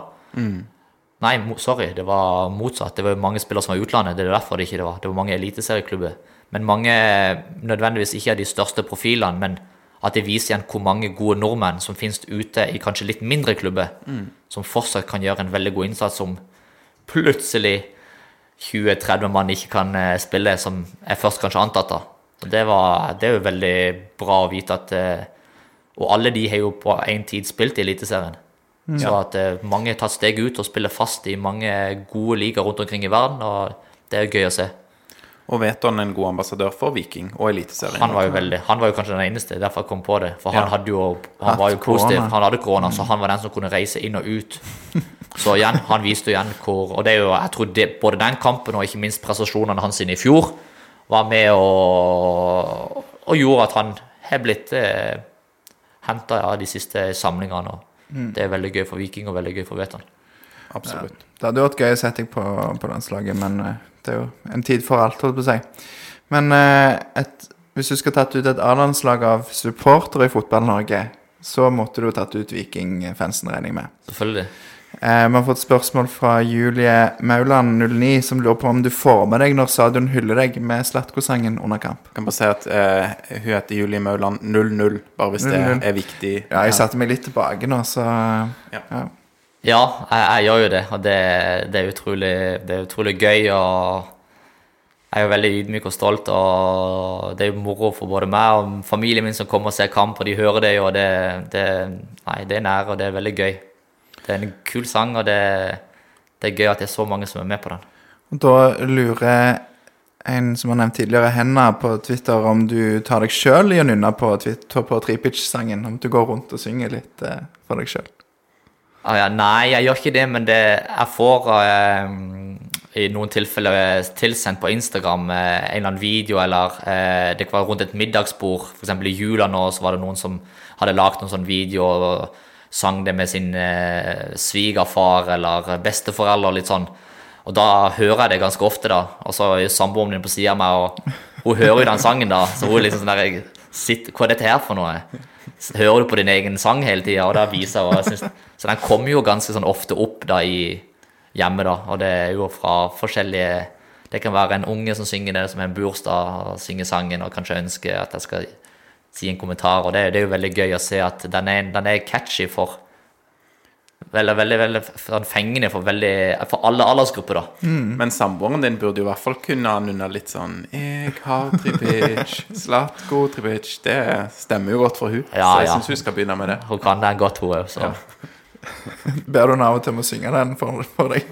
Nei, det, det, jeg skal prøve. Jeg skal spørre når jeg kommer hjem nå. Ja, det er bra. det er bra Ehm, Jeg hører han jo av og til på, på skolen der jeg jobber. Det syns jeg er veldig gøy. For det er litt sånn Det tror jeg ikke hadde skjedd for en tre-fire år siden at de gikk rundt og sang eh, stadionsanger på, på Hvis du lurte på det, Slatko, så gjør Lars, lærer Lars en ganske god jobb i å indoktrinere elevene sine som vikingsupportere, tror jeg. Jeg har ikke observert det sjøl, men det høres sånn ut. Prøve, prøve å balansere det så det ikke blir for sånn uh, Nei, men selvfølgelig må man jo bruke alt man kan, og jo flere, jo bedre.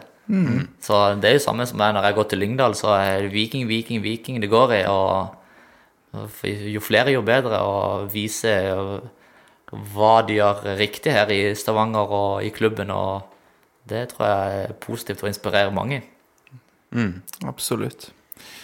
Um, vi går litt videre på den siste kategorien vår, som heter annet. Nå har vi bikka to timer, så vi får se hvor, hvor lenge vi tar eh, disse her eh, forskjellige spørsmålene her. Jeg er veldig spent på hva du svarer på den første, som har fått fra Tonning HM på Instagram. Han eh, lurer på, han, eller han spør om du må gifte deg med en spiller, hvem ville du valgt? Hvis det var en spiller du skulle ha gift... Må det være en, en har spilt med, eller bare en helt uh... Kanskje du tar vikingspillere, det er gøyest? Ja, ja, kanskje. Vi kan ta kanskje begge, da. Ja. Ja. Ok, Hvis jeg kunne valgt én spiller, så tar jeg mitt uh, første idol.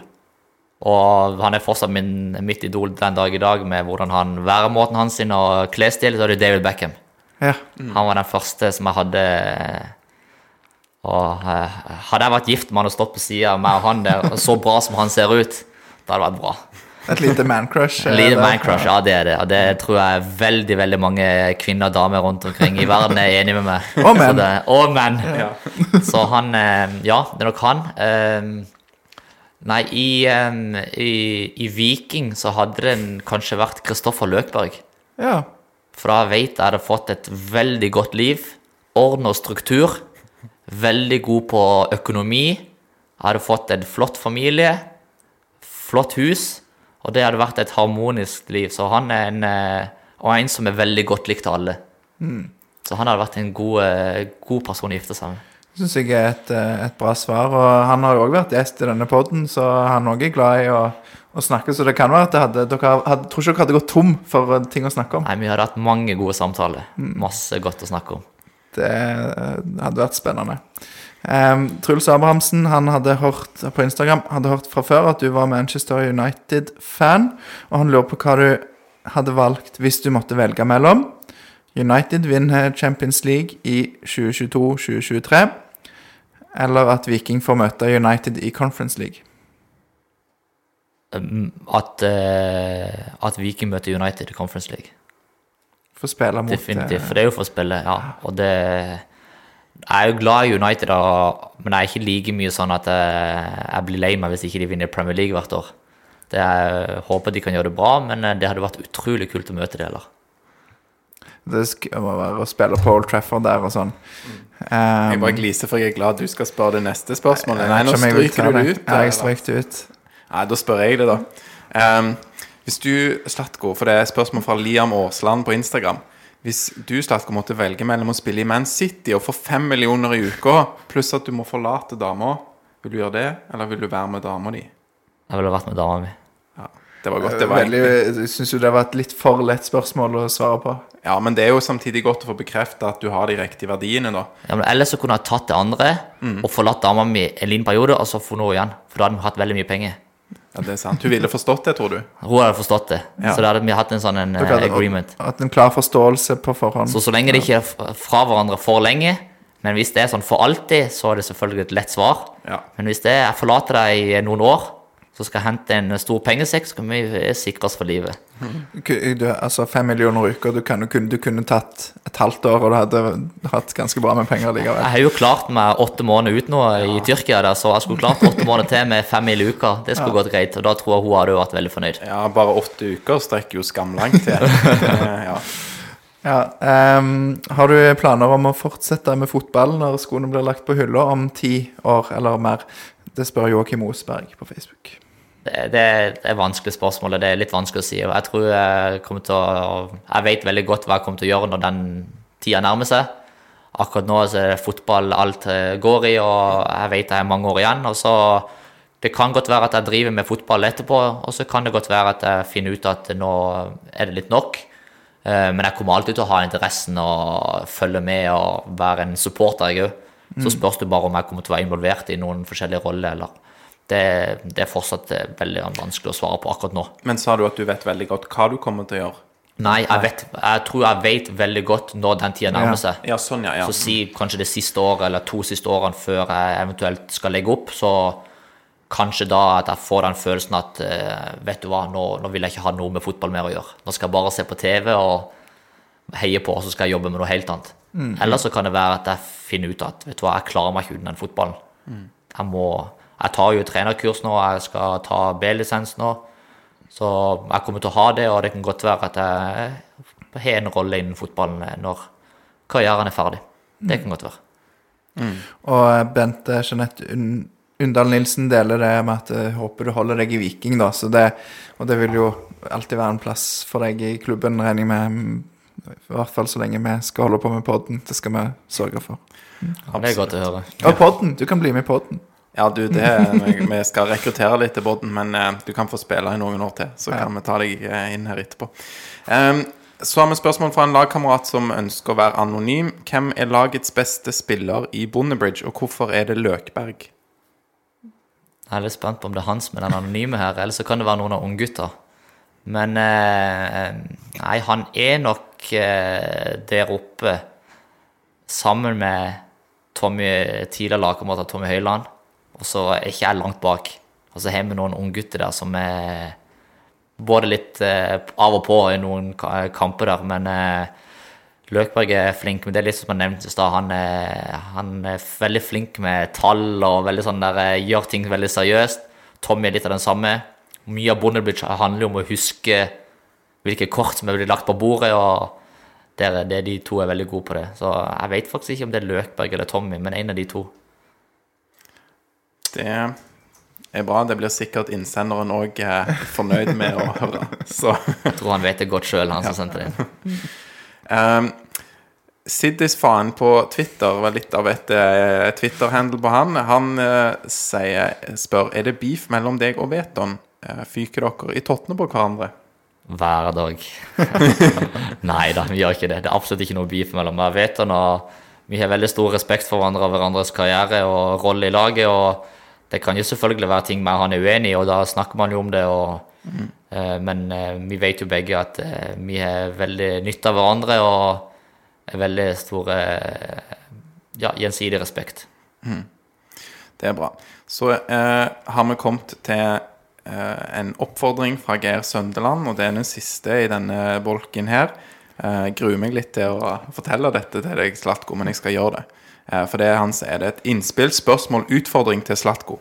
Hans Geir sier Du legger alltid listen høyt, går foran, gir alt, spiller med hjertet utenpå drakten, tar ansvar og viser på en lidenskapelig måte hvordan man takler press i stressende situasjoner og oppnår store øyeblikk for evigheten. Kan du nå kombinere alt dette når du skal framføre Slatko Tripic-sangen? Lykke til. Å ja, sånn, ja. Så nå skal jeg synge den sangen? Ja, det er det han ønsker, i hvert fall. Har Tripic, Slatko Tripic. Vi tror ikke dere forstår. Han kommer fra Lyngdal, er splitter pine gal. Vi har Slatko Tripic. Ja, det var bra. Beklager at jeg stoppa det der. Hun skulle jo bare gønne på eh, videre. Men eh, det var gøy å synge. Men vi, vi må nesten gå mot en avslutning, Slatko. Det, vi kunne stått der og snakket i timevis, men nå har vi holdt på i ja, to timer og 20 minutter snart. Syns tida har gått, eh, gått fort. Så eh, vi må jo få takke, takke deg, eh, Slatko, for at du stiller opp. Jo, takk, bare hyggelig. Takk for at jeg kunne komme. Det var utrolig gøy. Det setter vi pris på. Um, og takk til alle som har stilt spørsmål, og de som ikke kom med. Det er ikke fordi det er ikke gode spørsmål, men fordi vi ikke fikk tid. Eh, vi vil òg oppfordre dere til å sjekke ut Vikingpodden på alle mulige sånne plattformer, som sosiale medier. Utenom. Ja, vi har ikke TikTok og Snapchat helt ennå, i hvert fall. Ehm, men eh, denne episoden ligger jo ute på YouTube, så hvis du vil se Slatko Tripic synge Slatko Tripic-sangen, så er jo det plassen å gå. Ehm, du, Tripic, skal få signere drakten vår, som alle gjestene signerer før de får gå. Um, og så skal jeg hilse fra Isak André Nederland, og han ber deg se etter han på neste hjemmekamp. Jeg tror det er en fra eh, Er det er det- Jeg vet ikke hvem Isak er. Beklager. om han er fra Lyngdal eller Tonstad. Han har i hvert fall eh, sendt noen meldinger. Okay. Og, ja. Så han er bare som å hilse, og, um, Greit. han- Isak, jeg skal se etter deg. Det er bra. Og så har vi en konkurranse som eh, hvis du hører på denne podkasten eh, i januar 2022, så er det en, mulig du har sjanse til å vinne en eh, Er det en overtrekksdrakt? Ja, det er en eh, reiseantrekk, men eh, overdelen av opprykkssesongen vår i 2018. Og den har du brukt. Den har jeg brukt, og den har jeg tatt vare på helt siden da, så den, eh, den, skal, den skal jeg gi vekk til dere nå. Yes. Så da eh, sjekk ut eh, Instagram og Twitter og Facebook for den konkurransen og bli med. Um, ble det riktig nå, Aleksander? Sa jeg, eh, jeg sa rett? Ja, jeg tror du har sagt rekt på alt riktig på alt jeg har hørt du sier at jeg sier i dag, Lars. Så, så bra. Er vi ferdige nå, eller? Da kan vi si som vi alltid pleier å si i Vikingpodden, og det er én, to, tre. Heia Viking!